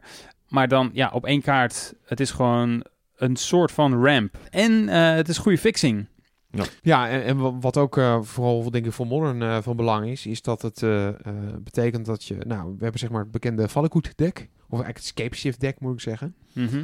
En dat betekent eigenlijk dat je eh, met Scape Shift ga je dan zoeken naar Valakut. En dan moet je tenminste zes mountains in play hebben om dat allemaal af te laten gaan. En met deze Dryad eh, kan je dat al met zes land. Met Scapes heb je zeven land nodig, maar met Dryad lukt het al met zes land. Want Valakut zelf is dan ook een mountain. Ja. Dus ja, dat geeft een beetje, toch een beetje tempo. Plus dat je ook nog weer een extra land erop kan maken. En in Valakut, Scapeshift decks, zitten meestal toch ook nog wel iets van 26, soms zelfs 27 Ja. land. Dus heb je ook een grote kans dat je die extra land op kan gaan maken. Dus de algemene verwachting is, is dat we deze kaart vooral in Scapeshift, CQ, Valakut decks eh, gaan terugzien. Ja, en die waren al best wel goed de laatste tijd. Of in elk geval die Titan Shift decks, die zijn eh, goed de laatste tijd, hè? Klopt, ja. Ja, is Ja. Een, beetje, een beetje in en uit. eh, Ja, hoewel er dus ook mensen zijn die zeggen van... Oké, Titan Amulet is eh, het Titan deck. mhm. En die denken dan ook dat dit deck eh, niet be- dat dat nog steeds het beste Titan deck zal zijn. Ja. Nou ja, dat moeten we zien. Maar eh, ja, het is ook nog een creature, is ook nog 2-4. Dus ook nog Lightning Bolt proof. Ook belangrijk. Ik kan me voorstellen dat we deze kaart toch eh, zo eh, nu en dan wel eens eh, een keertje voorbij gaan zien komen in eh, Modern. Ja, Zeker, ja. absoluut, ja. Ja, dan nog een kaart met eh, een, eh, ja, toch een bijzonder effect. Eidolon of Obstruction. Eidolons hebben we in de vorige tables ook al een paar keer gezien. Ik weet nog steeds niet wat het nou precies is, maar het zijn eigenlijk altijd enchantment creatures. Eh, in dit geval is het een, eh, voor twee maanden waarvan één wit een spirit, 2-1 met first strike. En eh, die zegt dat loyalty abilities van planeswalkers van je tegenstanders één geenlijke mana extra kosten om te activeren. Dus bijvoorbeeld je Elspeth minus 1 doen, daar moet je gewoon een mana extra voor betalen. Ja, best wel een origineel effect. Zo grappig, want ik had op, eh, op de pre-release... eh, had mijn tegenstander 2 toen ik Elspeth in mijn handen had. Oh, wauw. Dus je denkt van nou, het lijkt allemaal heel marginaal, maar dan is het toch best wel vervelend. Ja. Ja. Ja. Ik denk dat het gewoon algemeen deze, eh, het effect heel erg sterk is. Ook al is het toch maar eentje. Dus omdat eh, de Planeswalkers zijn juist heel erg goed omdat ze gratis abilities hebben. Ja, Dus Maar zou dit een goede kaart zijn? Een, een goede sideboard kaart bijvoorbeeld tegen een control deck waar Teferis en zo eh en Jace's eh het kan goed helpen. huishouden? kan ik me voorstellen, maar ik denk, denk wel dat je, ik denk wel nog steeds dat je toch best wel een agressief deck nodig hebt. Ja. Want dit, vers- ja, dit, dit eh, verlangzaamt het deck van je tegenstander wel. Als die Ja. op eh, Planeswalkers leunt. Ja, maar het het schakelt dan- het niet echt uit. Nee. Nee, Ik- het is geen niet- Pithing Needle bijvoorbeeld die zegt dan je kan het helemaal niet activeren. Nee, Nee, maar met een Pivot Needle kan je niet aanvallen. Dat is waar. Deze. En met deze Island wel. Ja. Ja, of de kaart echt goed is, dat, eh, dat durf ik niet te zeggen. Maar Ik denk afhankelijk van de meta. Als er heel veel Planeswalkers worden gespeeld en is een wit agressief creature deck met Ja. in ieder geval wit, wit eh, gebaseerd, dan, dan is het denk ik prima. ja, Hm. misschien is dat laatste wel het grootste probleem. Van, is er überhaupt een wit aggro deck denkbaar in Modern? Ja, ja. Nee. Ja, nou, het, eh, ja, het klinkt een beetje raar, maar deze kaart had meer kans gehad als het een human was geweest natuurlijk. Uiteraard. Ja. ja, grappig. ja. Ja, dan nog een, ja, misschien een beetje een fringe kaart, waarvan ik ook niet zeker weet of die iets gaat doen, maar eh, Destiny Spinner, ook een enchantment creature, maar dan is het weer geen Eidolon. maar wel human. Wel een human, inderdaad. Eh voor twee maanden, waarvan één groen, twee, drie. En die zegt dat creatures en enchantments, creature en enchantment spells, moet ik zeggen, die jij eh controlt, die kunnen niet gecounterd worden. Wat wel sterk is tegen control decks. Dus misschien is het een sideboard kaart. En dan heeft hij ook nog als extra ability eh, voor vier maanden, waarvan één groen, eh, wordt target eh, land, wat jij onder, op de battlefield hebt, wordt een XX elemental creature met trample en haste tot het einde van de beurt. En X is dan het aantal enchantments dat jij op de battlefield hebt liggen. En het blijft gewoon nog steeds een landje. Mm, nou, dat is meer een soort van ja, kleine upside, denk ik. Mhm. Tenzij je echt een waanzinnig enchantment center deck hebt, maar dat... Lijkt me niet, nee. Nee. Nou ja, weet je, eh, er zitten zoveel enchantments in deze set. Het zou me niet eens verbazen als er misschien toch een soort van eh, Creature Enchantment deck en- komt. Enchantress-achtig deck komt. Maar ja, in het kan dit verleden, iets... in het verleden zijn die decks nooit goed genoeg geweest. Maar Zou dit knows? iets, iets kunnen zijn in Boggles? Dan speel je van die hexproof creatures en dan laat je die helemaal vol met, eh, met goedkope enchantments. Het feit dat je Enchantments ook niet gekant kan worden, wellicht. Ja. Ja, toch? Ja. Dus misschien een sideboard kaart in zo'n deck. Als je tegen een controlspeler komt te zitten of iets dergelijks. Ja. eh, zou wellicht wel iets kunnen doen, ja. Ja, ik vind het lastig om te zeggen, want Ja. die decks zijn meestal zo getuned Ja, die zijn om al... echt één ding helemaal te doen. En die zijn eigenlijk, weet je, dit is dan bijna een soort van interactieve kaart. En eh, ja, daar zijn ze die, eh, die, eh Daar moeten ze niks van weten. die Bobble decks die zijn er helemaal niet Nee, op uit nee, op interactie. Die praten liever ook gewoon niet tegen je, zeg maar. Nee. Nou, dan eh, nog, nog één laatste kaart eh, misschien, eh, Dave. Ja, wellicht wel de meest, eh ja, hoe noem dat, gehypte kaart nu inmiddels. Tenminste online dan. Dat is Underworld Breach, een eh twee maanden enchantment. Met een hoop tekst. Met één rode maan. Met één rode mana, inderdaad, Ja. dankjewel. Met eh, each non-land card in your graveyard has escape. Nou, escape is, eh, staat volgens mij, oh, staat hier ook uitgelegd. Is, escape cost is equal to the card mana cost plus exile three other cards from your graveyard. En het, eh, het is een enchantment, maar aan het einde van de beurt moet je hem wel sacrificen. Ja, dit is waar we het net over hadden. Die kaart die dus andere kaarten escape geeft, maar zelf geen escape heeft. Nee. Maar het is misschien wel een van de belangrijkste kaarten uit de set, zouden Ja. we kunnen zeggen. Want eh, Ja, het is eigenlijk een sorcery die, eh, die, eh, waarvan het effect gewoon de hele beurt actief blijft. Dat Ja. zo, zo moet je hem lezen. ja, inderdaad. dan denk je misschien aan de sorcery Yawgmoth's Will. Ja, Bekende uit, eh wat is het, Urza Saga volgens mij. Eh, dat was een eh, zwarte sorcery voor drie mana. En dan, eh, kregen alle, dan mocht je alle, alle kaarten die in je graveyard lagen, die mocht je spelen, Ja. zeg maar. En het groot, de grote verschillen met deze kaart zijn dat ehm, de kaarten die je met Yawgmoth's Will speelde, die moest je ook meteen daarna exilen. Mhm. Ehm, en nieuwe kaarten die daarna nog in je graveyard terechtkwamen, die kon je niet uit je graveyard spelen. Ja. En deze kaart die doet dat dus allemaal wel. Dus ook kaarten, nou, zoals we in het begin al zeiden, die je uit je graveyard speelt in die beurt, als het bijvoorbeeld een instant is of een burnspel of kaartentrek of iets dergelijks, die komt daarna weer terug in je graveyard en dan heeft hij nog steeds, dankzij dit enchantment, heeft hij escape. Dus dan kun je hem nog een keer casten. Ja. Nou, ik zag vandaag een filmpje online van iemand die eh, eh, op beurt 2 won met deze kaart. ja het, het bleek stiekem op beurt 3 te zijn. Het leek beurt ja. Het was toch beurt 3. Maar ik dacht ook, is het beurt 2? Maar eh, het, het blijkt beurt 3 te zijn. Maar alsnog is het heel sterk. Nog steeds best wel snel. ja. Ja, door inderdaad een eh, infinite combo te hebben, waardoor er continu genoeg kaarten in de graveyard lagen om weer de escape cost continu te kunnen blijven betalen. Ja. En dan op een gegeven moment eh, waren alle kaarten weg. En toen was er nog een instant win combo. Ja, ja. Dus is de grote vraag, eh, wordt dit dan een nieuwe ehm, ja, bad guy, zeg maar? Gaan we nu een heleboel turn 2 kill decks zien, turn 3 kills? Nou, ik had, er, ik had er met iemand een hele korte discussie vandaag over. En eh, hij dacht van ja, Modern is toch een soort van turn 3 kill format. Nou, ik, Geworden. Moet je, ik moet je eerlijk zeggen dat ik dat wel een klein beetje betwist. Maar eh, daarbij is ook vooral de vraag van of het leuk is om tegen te spelen. Maar goed, er zijn mensen die dit on- ongelooflijk leuk vinden om mee te spelen. Mhm, ja. Nou, Waar ik vooral een beetje bang voor ben, is dat ehm, we nu de situatie gaan krijgen dat we deze decks heel vaak gaan zien. Dat mensen het niet leuk vinden om er tegen te spelen, omdat interactie ook heel moeilijk is. En ja, het hangt gewoon van het deck af of, of ze het hebben of niet. Ja. Hè? Dat is heel moeilijk om er iets aan, aan te doen. En dat we zo'n periode krijgen waarin dit deck dan heel erg sterk is. En dat het dan weer een tijd gaat duren voordat Wizards eindelijk besluit, oh, het moet toch maar geband worden. ja. Of iets uit. En, Ja. en in, in die tussentijd denken mensen, nou weet je wat, ik ga gewoon even niet spelen.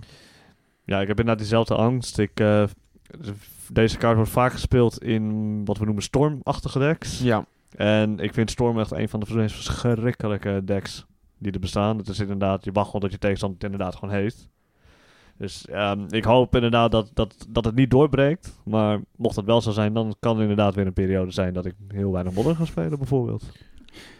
Ja, dat heb ik ook. En ik speelde al zo weinig modern. Maar eh, tegelijk denk ik ook, ja, we hebben het nu dus over modern. Modern is wel bij uitstek een format waar je heel veel graveyard hate mogelijkheden hebt. Ja, bijvoorbeeld Dat is waar, alleen al dat is wel waar, ja. Leyline of the Void. Ja, oké, die moet je dan wel, stop je dan waarschijnlijk wel vier keer in je eh, sideboard. Dus dat zijn wel veel slots. Maar ja, die schakelt zo'n deck dan alweer uit. Want dan kunnen gewoon geen kaarten in de graveyard van je tegenstander terechtkomen. klopt, ja. Nou, er is nog één kaart die eh, nieuw is in deze set, die we dan ook nog even moeten bespreken, omdat die Graveyard Hate is. En dat is de kaart, de eh, Soul Guide Lantern. Artefact voor één mana. Als die in het spel komt, dan exile je een kaart uit een graveyard. Maar je kan hem ook tappen en opofferen. Dat kan je dus meteen doen. Om elke graveyard van je tegenstanders... ehm, dus van elke tegenstander zijn graveyard te exilen. Ja. Nou, dat is best wel sterk. Dus ook misschien een goede sideboard optie die hierbij is gekomen met deze set. En heeft hij ook nog voor één generieke mana en tap en sacrifice draw card. Dus Ja. als je toevallig tegen een deck zit dat niks met de graveyard doet, of je, dit is de tweede die je trekt en die, met die eerste heb je al eh, een graveyard geëxiled, dan kun je gewoon nog hem vervangen door een nieuwe kaart. Klopt. Ja, ik moet heel erg denken aan Relic of Progenitus. Die, heeft, een- Ja. die lijkt er heel erg op. Ja, maar dan verwijder je ook je eigen graveyard. Dus dat is Ja, eh, klopt. Dat is een- symmetrisch effect. Eh, klopt, ja. Ja. En Relic of Progenitus natuurlijk kan je elke beurt kan je hem tappen om een kaart te exilen. Ja. Dan, en ja, het verschil ook met Relic of Progenitus is dat je tegenstander mag kiezen. Die mag kiezen en bij deze, uh, zodra het spel komt, je, je target een, eh, een kaart die je Ja. exilt. Ja, het is een beetje een, een verbeterde Torment script voor één mana meer. Ja, Zo, zo, zo zag ik hem. Maar vooral erg handig in Pioneer bijvoorbeeld, waar er gewoon op dit moment niet hele goede graveyard haat is. Vooral kleurloos Ja. inderdaad. Timmerhead, Timmerhead. Timmerhead inderdaad nu, klopt. dat is jouw eh, stokpaardje Ja. kaart. Dat Maar- is misschien een goed bruggetje meteen naar de Pioneer eh, staples. Want eh, ja, het nieuwe format, waar we nu eh, allemaal heel enthousiast over zijn, dat heeft er ook wel een paar goede kaarten bij gekregen. Nou, ik wil eentje voorlezen waarvan ik weet dat Dave daar in ieder geval heel enthousiast over is. Dat is Mhm. eh, Euro, Titan of Nature's Wrath. Drie mana, waarvan één groen en één blauw. Legendary creature Elder Giant. When Euro enters the battlefield, sacrifice it unless it escaped. Whenever Euro enters the battlefield or attacks, you may gain free life and draw a card. Then you may put a land card from your hand onto the battlefield. Het heeft een escape cost van dubbel groen en dubbel blauw. En je moet eh, vijf kaarten eh exilen uit je graveyard om te escapen. En de stats zijn 6-6. Ziek. Ehm, dus ja, dat is eigenlijk een beetje een, een kaart met twee moden, eh, modussen. En je eerste, eerste ja, hij komt in play, maar hij gaat eigenlijk meteen direct naar de graveyard. Je mag een kaart trekken en je krijgt drie leven. En eh, vervolgens kan je hem voor vier mana kan je hem nog een keertje als een 6-6 in eh, play brengen. Ja. Eh, die dan ook nog steeds eh, kan aanvallen voor hetzelfde effect. Hmm. Ehm, Doe er maar vier. ja, het is ook meteen de duurste kaart in de set nu, geloof ik, hè? Ja. Klopt. Ja. ja voor een, euro, voor een eh, eurotje of 21 volgens mij op dit moment. Phew. Ja. Wauw. Ik denk dat deze kaart, we hebben over Oko, hebben we echt, ik, ik denk dat ik echt 3 miljoen keer de Broko grap heb gehoord. Mhm. De, de euro-euro-grappen, die heb ik inmiddels ook al eh, hoog op de tak zitten. Ja. Dus eh, euro is duur, of eu- euro is duro, zei je volgens Precies. mij ook la- Ja, aan het begin ja, van ja. deze avond. ja, Als ik een euro had voor elke euro, euro-grap die ik zelf heb gemaakt, dan had ik ook een heleboel euro's op dit moment al. Dus ik ben er zelf ook een beetje schuldig aan. Maar ik, eh, ik stop er nu mee, want het is inderdaad een beetje uitgekoud. Maar ehm, ik dacht eerst, eh, toen ik deze kaart zag, leuk met bijvoorbeeld eh Collected Company. Maar dat is natuurlijk helemaal niet waar, want als je Collected Company... Ja, je kunt hem spelen met Collected Company, maar dan komt hij in het spel en dan gaat hij meteen dood. Maar het, is, dan heb je het is bijna een soort van spel dan. Het is bijna Ja. een soort spel, want je, ja, je krijgt dan wel drie leven en hij vervangt zichzelf. Dus dat is op zich Ja. oké. Even tussendoor, heel snel tussendoor. Helios kan je trouwens ook in play brengen met Collect Company. Oké, we gaan nu weer verder. Ja. Eigenlijk kun je best wel veel dingen met Collected Company in het spel brengen. Clark Company is volgens mij gewoon een hele goede kaart. Po- point taken. Maar ja, in zo'n deck hoort hij dus helemaal niet thuis. Hij hoort dus thuis in een deck waarin je jezelf mailt. Volgens mij, dat is waarin die nu gespeeld wordt, toch? Mm, nou, wordt er speelt in Ram decks. Ja? Ja, want hij Hoe- doet alles wat Ram zoekt. Kaarten pakken, leven krijgen en eh, endgame een eh hele sterk creature.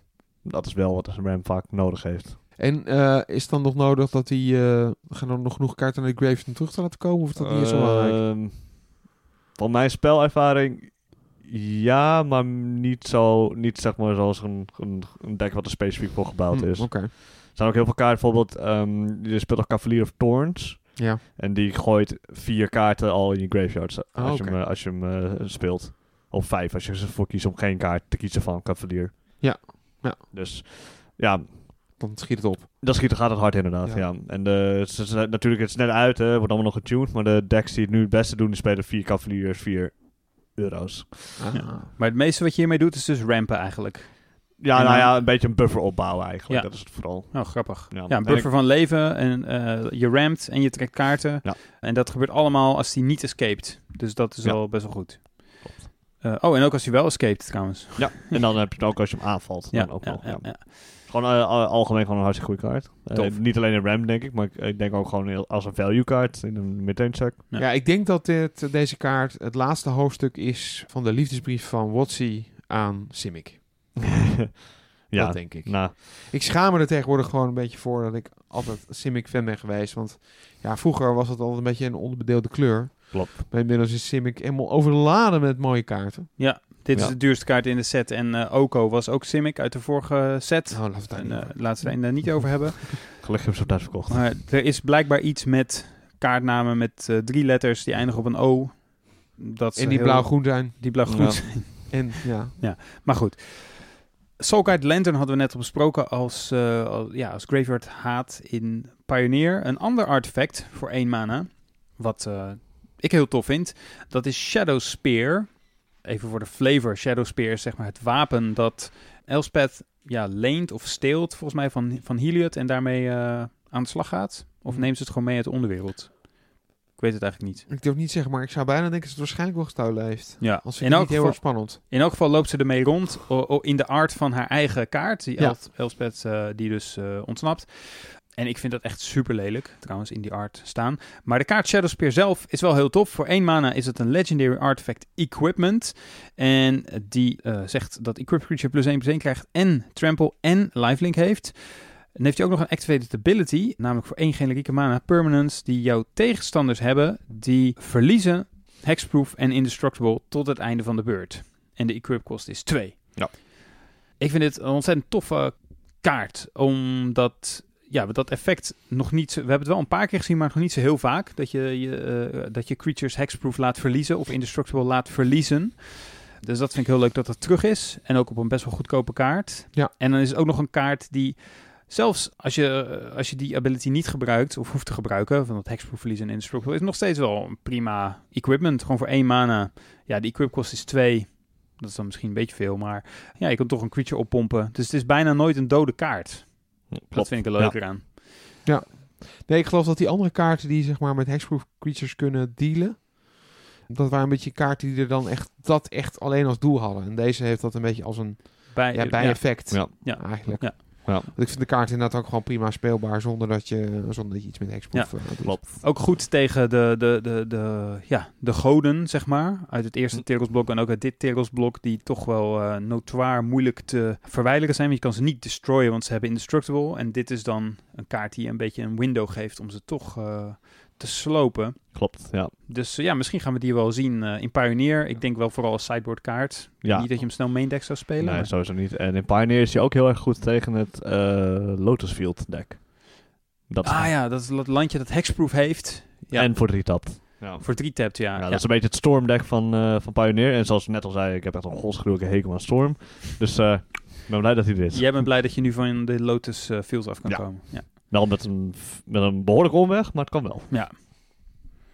We kunnen natuurlijk ook niet een aflevering opnemen zonder het ook even over Commander te hebben. Welke kaarten zijn eh, goed volgens jullie in Commander?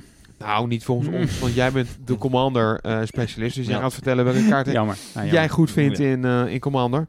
Maar ik ga hem voorlezen. Eh, en eh, de eerste kaart waar we het over gaan hebben is Tessa's Oracle. Is twee mana, twee blauwe mana.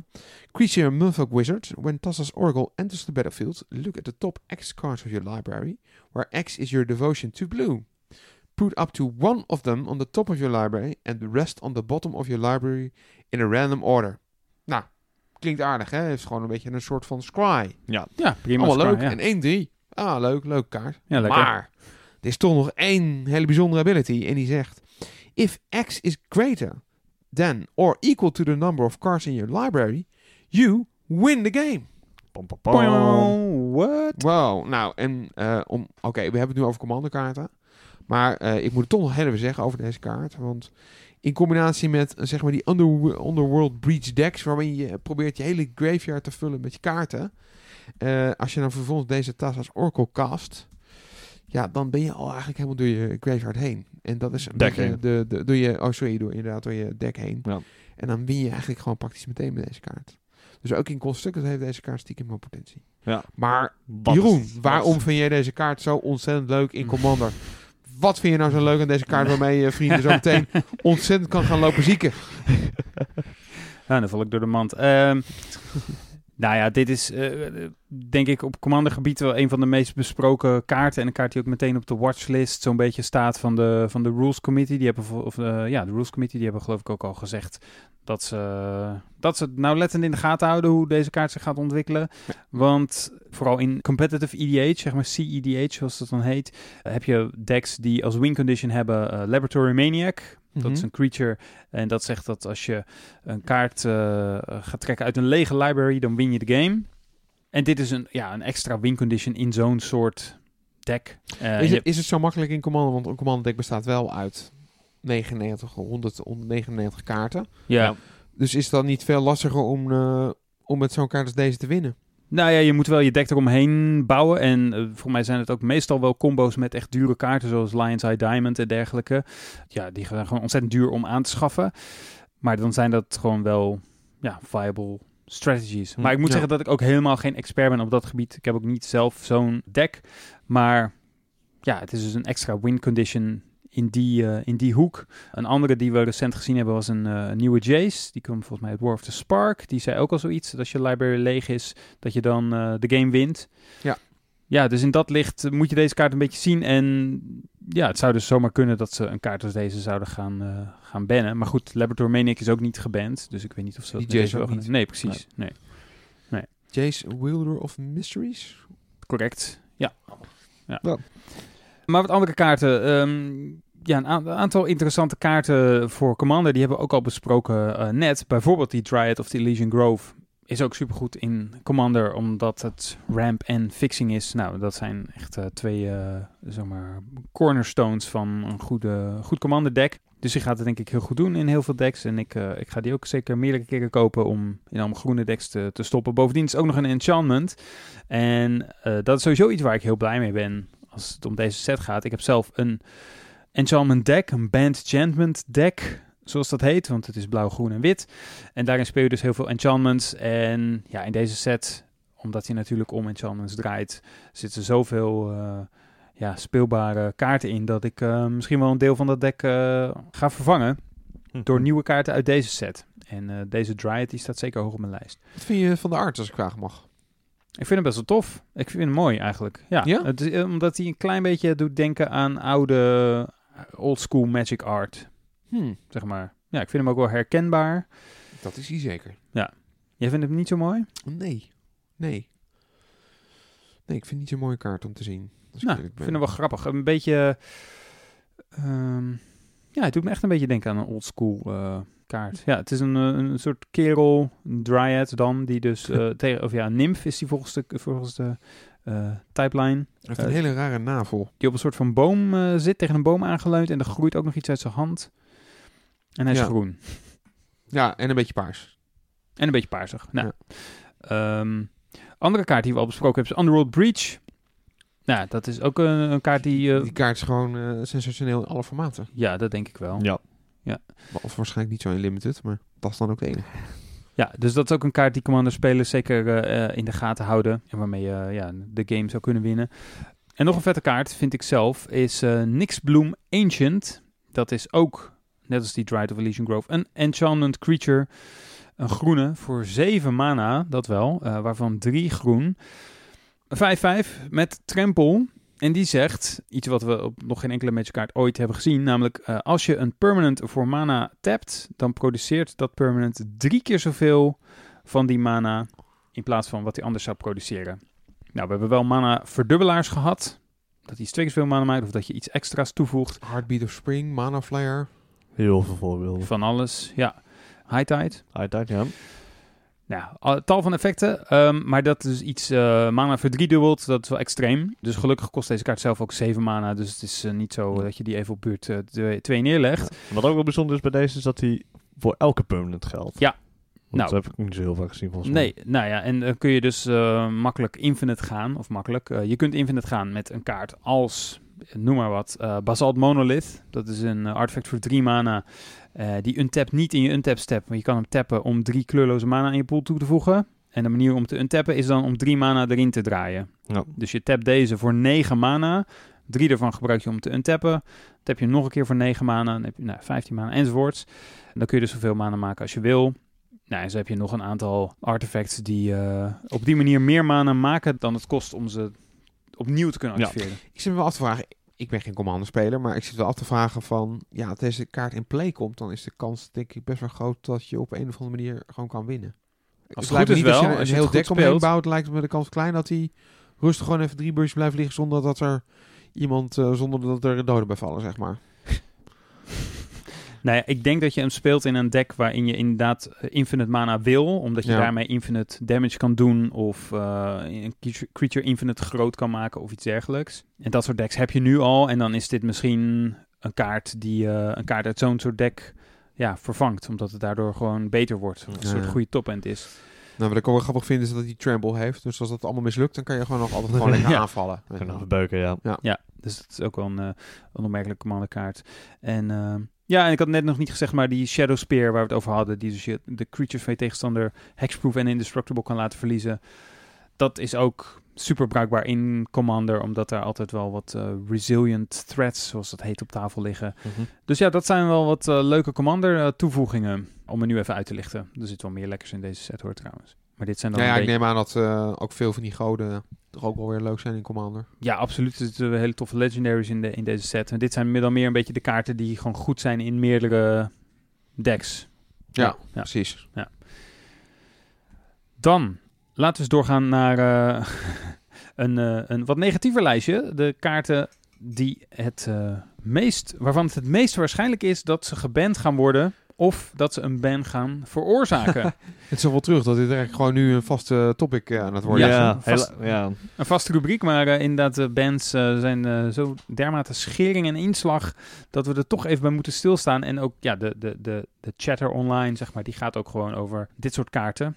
En ehm, het zijn allemaal kaarten die we eigenlijk al genoemd hebben. Eh, de eerste was Heliod, Suncrowned. Dat is dus die drie mana witte god. Mhm. eh, die een infinite combo heeft met bijvoorbeeld Walking Ballista. Dat is de meest in het oog lopende eh, combinatie in elk geval. Ja, we hebben net al een beetje besproken, hè? ja. Nou, ook hoe de combo werkt inderdaad. Ja. Maar is het benwaardig, denk je, op termijn, eh, Dave? Ja, maar dan wordt Walking Ballista geband en niet Heliot, denk ik. Ja, dat, die gedachte heb ik ook wel eens gehad, Ja. moet ik eerlijk zeggen. Ja. Ja, dat lijkt me dus zo zonde. Dat Walking Ballista zo'n toffe kaart is en in heel veel decks eh, zit. En dan toevallig, omdat er één deck is waarmee die een infinite combo heeft, moet die kaart geband worden. Dat lijkt me dan een beetje lullig. Het Maar ja, het is leuk dat je zegt dat, dat jij Walking Ballista een leuke kaart vindt. Want er zijn namelijk heel veel mensen die dat dus niet vinden. ja? Die vinden Walking Ballista een hele saaie kaart. Oké. En ik heb zelfs een comment gelezen op Reddit waarbij iemand zei... als dit ervoor zorgt dat Walking Ballista weggaat uit de formaat, dan ga ik feest vieren.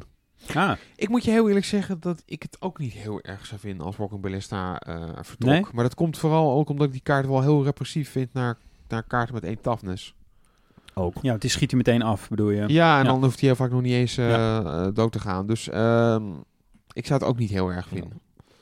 Hm, Het, is een beetje, het is een beetje, ja, Walking Ballista is you like it or you hate it kaart. Ja, Eh, ja. dus I like to play it. Dat is wel waar. Ik Hate to play against it. al- ook. Dat ook. Precies dat inderdaad. Dus eh, maar ja, ik denk...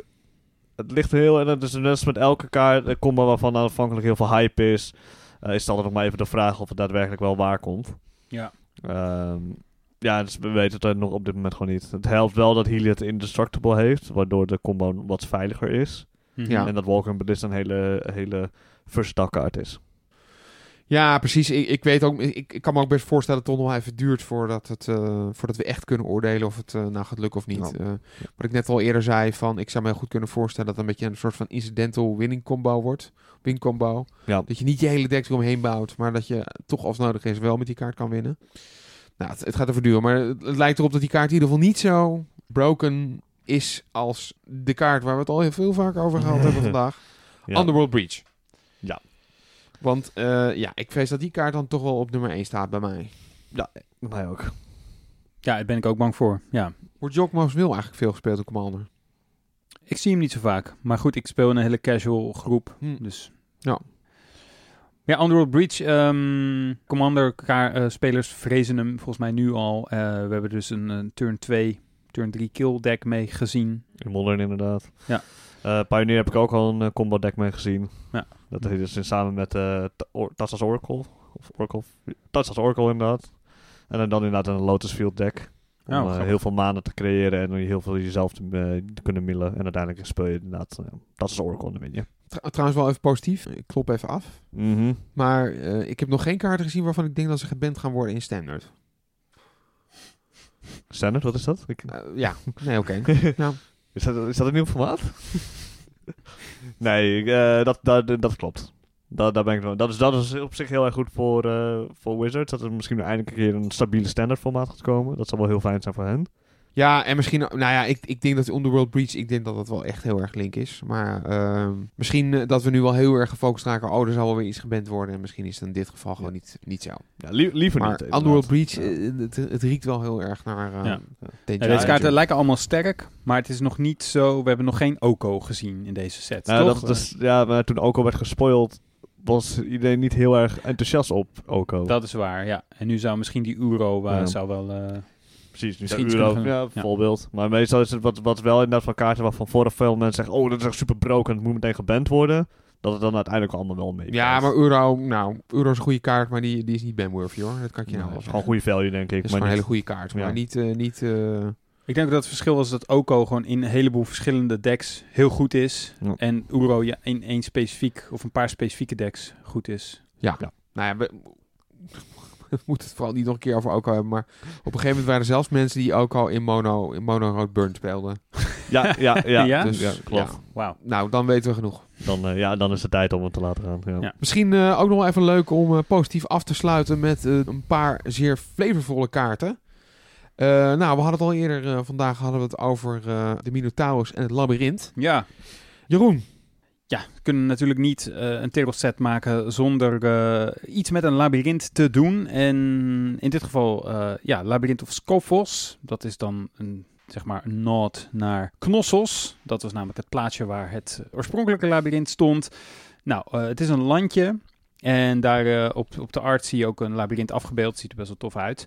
Tapt voor een kleurloos en voor 4 mana en tap eh, kan je target attacking creature of blocking creature uit combat eh, removen. Doet wat dat betreft heel erg denken aan Maze of Ith. Ja, ik wil net zeggen, dat is volgens mij net meestal wit. Ja, alleen alleen dat eh, deze vier maanden kost om te activeren. ja, en Maze of Ith kost 0 mana om te activeren. Die hoef je alleen maar te tappen. Maar Maze of Ith die maakt zelf geen mana. Ja, dus dit is eh, wel eh, duur om, om, om te activeren. Maar ehm, ja, ik weet niet of het per se een goede kaart is. Maar ik vind het gewoon wel tof dat er ook een beetje gerefereerd wordt aan die Minotaurus eh, Legend. Ja. Er zit trouwens ook nog een kaart in, de, de Scophos Maze Warden. Dat is ook een Minotaur zelf. En daar zie je een Minotaurus op die soort van ja, de, de, de wacht houdt bij de maze, dus bij het labyrint.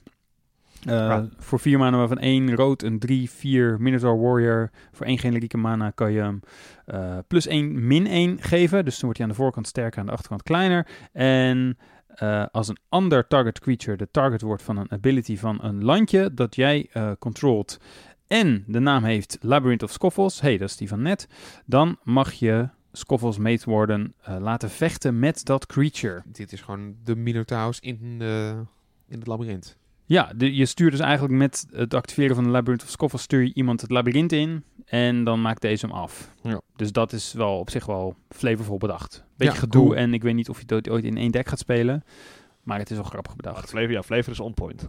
Redelijk, ja. Ja, Ja, dat is cool. ja, ja, ja. Dat is cool. Nou, een andere, andere kaart is eh Elerios Enraptured. Eh drie mana waarvan één blauw. Legendary creature Human. Elerios uh, Enraptured and enters the battlefield tapped. Elerios doesn't untap during your untap step if you control a reflection.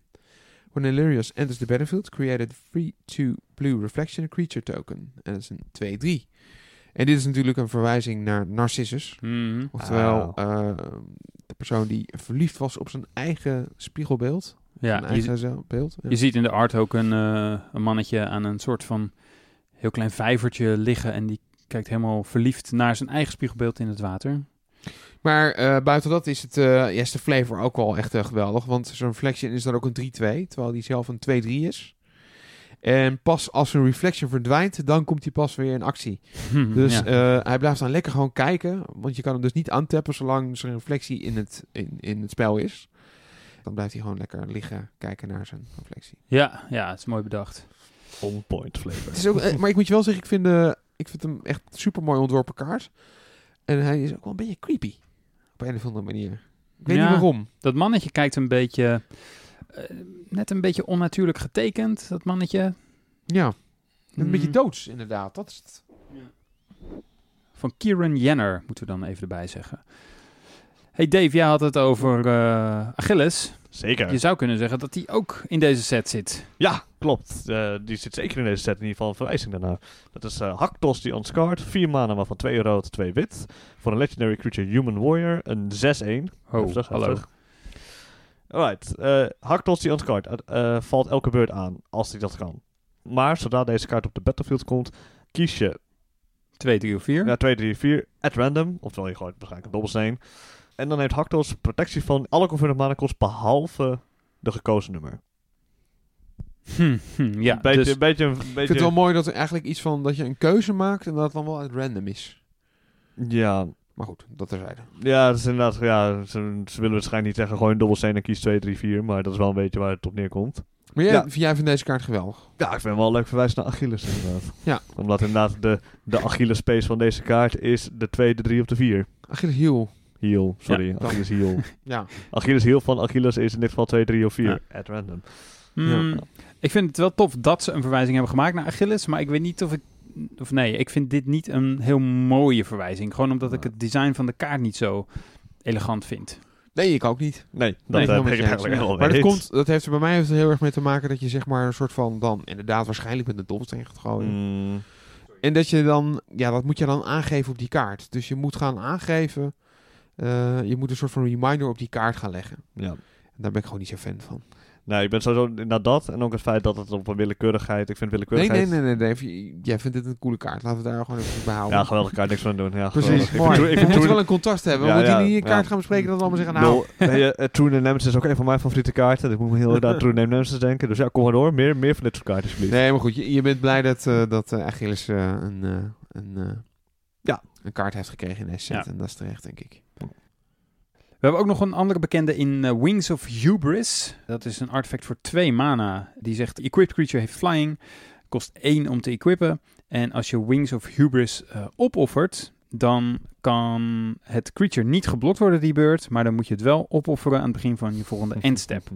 En je ziet dan ook een mannetje met een soort van zelfgemaakte vleugels die probeert te vliegen. Eh, dat is natuurlijk de kaart, eh, of natuurlijk het personage van Icarus, Ja. die zelf vleugels maakte, maar die vloog te dicht bij de zon en toen smolt eh, de... Ja, eigenlijk heeft zijn vader de vleugels gemaakt. Oftewel Oh ja. Daedalus. Goeie, ja. Ja. Maar goed, eh, terzijde. Ja, ehm, Oh, wacht, die ken ik. Dat verhaal ken ik wel. Ja, zie je wel. Hey. Ja. Oh, kijk, er staat ook de, de, de flavortekst, of de, sorry, de, ja, flavortekst. Dalakos invention worked until it didn't. Ja, heel mooi. Het is een goede verwijzing denk ik naar Icarus. Maar wat ik dan weer jammer vind aan het verhaal van Icarus zelf... is dat het verhaal is natuurlijk... hij gaat vliegen en hij komt dicht, te dicht bij de zon... en daardoor smelt de was waarmee zijn vleugels aan elkaar geplakt zijn. Maar ja, als jij gaat vliegen, hoe hoger je komt... hoe kouder het wordt. Toch? Ja. Dus dat klopt helemaal niet. Dus natuurkundig gezien is het gewoon niet een eh, heel realistische... Nee, maar weet je, dit, dit doet me wel een beetje denken aan die mensen die dan naar een Star Wars film gaan.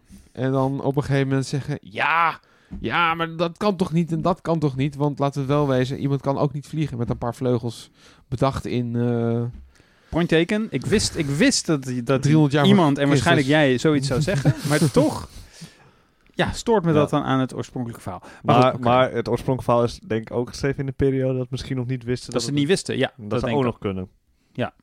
Maar goed, dat even over Wings of Hubris. Ehm, nog één laatste, wat ik wel echt een flavor win vind. en Eh, hubris betekent trouwens, voor de mensen die dat niet Ja. weten, betekent trouwens hoogmoed. ja, mooi inderdaad. Want eh Icarus, die, eh, ja, die voelde zich bijna als een god toen hij kon vliegen. En dan wil hij steeds ook steeds hoger. Hoogmoed komt voor de val, komt er ook daar vandaan? Ja, precies. Mooi. Nou, als laatste dan Heliod's Punishment. Dat vind ik echt een flavor win. Voor twee eh mana waarvan één wit heb je een enchantment aura. Eh, die eh, leg je eens op een creature. En die zegt, komt in het spel met vier task counters erop. Ehm, en dat enchanted creature kan dan niet aanvallen of blokken. En verliest alle abilities. Maar die, hij krijgt dan wel tap. Haal een task counter van Heliod's Punishment af. En als, het, als hij geen task counters meer heeft, dan destroy je Heliod's Punishment. Dus hij komt in het spel met die counters. Dat zijn dan een soort van taakjes die hij moet doen. Dan moet de creature eerst een paar beurten heel hard voor werken. Hij moet steeds tappen om maar die counters eraf te krijgen. En dan pas, als hij die taakjes gedaan heeft, dan valt die punishment van hem af en kan die weer meedoen in de game. Ja, vind ik super vet. Ja. Ehm, dit is de, hoe noem je dit ook weer? Wat is het ook weer voor straf? De Het lijkt een beetje op, op beproeving van ehm Sisyphus. Sisyphus arbeid verrichten. Ja. Ja. Ja. Behalve dat Sisyphus natuurlijk geen god was, maar dat terzijde. Eh, nee, hij zelf niet. Maar, ehm, nee, maar hier het wel. Dus in die ja. zin is het een beetje een aparte vergelijking. Maar eh, nee, maar dit is de, de straf die Heliot oplegt, toch? Aan iemand. nee, dit is de straf die Heliot heeft gekregen volgens mij. Huh? Wat, punishment. Volgens mij, want het is, op het plaatje staat Heliot zelf. Nee, is dat Heliot? Volgens mij wel. Ja, volgens mij ook, ja. Want ik zie zo'n hoorn. Nee. Ja? Ja, het is waar. What? Oké. Wauw, misschien heb je wel gelijk. Anyways, ik vond dit een hele toffe, flavorvolle kaart. Eh, op, eh, op Uncommon is dit, eh, dit Auga. Ja goed, misschien tot slot nog even snel door een paar reprints heen lopen. Ja. Idyllic Tutor is gereprint. Dat is een sorcery eh, die ehm, een enchantment tutort. Dus je zoekt je library, stop je een enchantment in je hand. Ja. Voor drie maanden, In welke, in welke set eh, zat deze Oeh. kaart oorspronkelijk? Niet in Tirels, andere kaart. Weet ik niet meer. Hey, way back volgens mij. Idyllic Tutor in, is dit, eh hoe heet die set? Morning Tide. Ah, oké. En die was een tijdje heel duur. Klopt. Tot de reprint. ja. En nu is het denk ik een 20 cent kaart. Eh, nou, dat nog niet. Nee, het staat wel op 4 euro al gauw, hoor. Ja. Wauw. Ja. Of zelfs hoger. Ja. Dat maar niet van, van 20 euro naar 4 euro is zo'n aardig. Ah, ja, Ja, dus- maar ik denk dat ik deze kaart echt eh, niets vermoedend door zou geven bij een draft. Nou, dat zou ik Ja, misschien nog steeds wel doen, maar niet niets vermoedend. Hij is wel dalende. Commander. Ehm, The Grey Merchant of Asphodel, daar net op besproken, dat is ook een, eh, een reprint. Eh, en die was vroeger, geloof ik, common. En nu is het een uncommon. Ja. Klopt. Ehm, Field of Ruin, hey, dat is eh, nog niet zo heel lang geleden dat die kaart voor het eerst werd geprint. Dat is een eh, landje dat tapt voor kleurloos en voor 2 en tap en sacrifice. Dan mag je een target non-basic landje van een opponent destroyen. En dan mag je, zowel jij als je tegenstander, mag een eh, basic land zoeken en in het spel leggen. Nope. Best wel een populaire kaart, wordt veel gespeeld. Leuk dat hij al gereprint is. oorspronkelijk, denk ik. X-Land, ja. Of Ja? Rivals of X-Land. Ah, oké. Ja. Ja. Ja. Maar in ieder geval de X-Land blok. dat je natuurlijk veel van die, eh, van die enchantments die transformden in een landje. Ja. Ja. Dus er was wat landhaat om het te balanceren, was wel nodig. En eh, Underworld Dreams, hebben we ook al een tijdje niet meer gezien. Grappig dat hij terug is, want volgens mij gaat die kaart terug naar...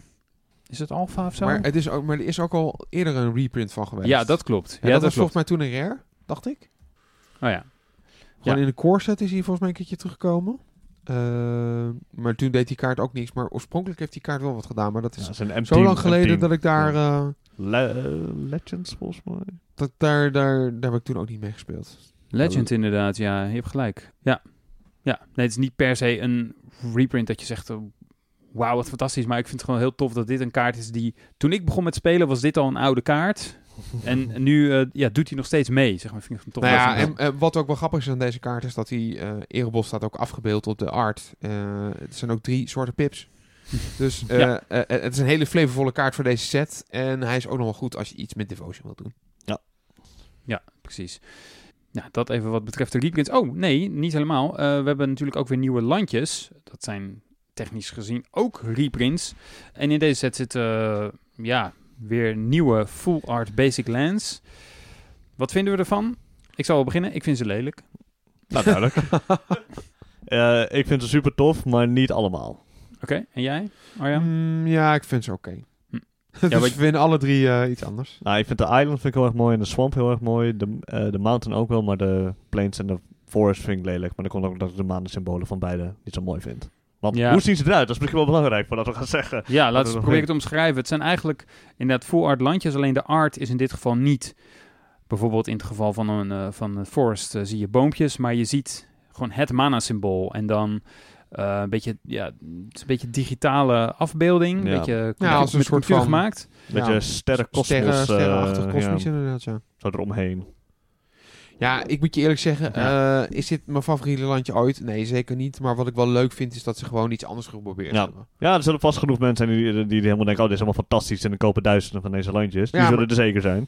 Ja, het, zijn, het zullen wel gewoon polariserende landjes zijn. Het- Ik bedoel, ze zijn heel erg anders. Ja. Ja. Maar ik vind het wel leuk dat, dat ze dat in ieder geval proberen. Ja. Maar laat, ik- laat ik de vraag anders stellen. Wat vinden jullie bijvoorbeeld van de unglued eh, landjes? Eh, ja, dat zijn landjes die hebben een soort van kadertje. Die hebben een soort van lijstje. Ja, dat waren zeg maar een van de eerste full art landjes. Oh, een gloed. Ja, ja, die vond ik super lelijk. Ja, dat zou je vindt het echt Ja. verschrikkelijk.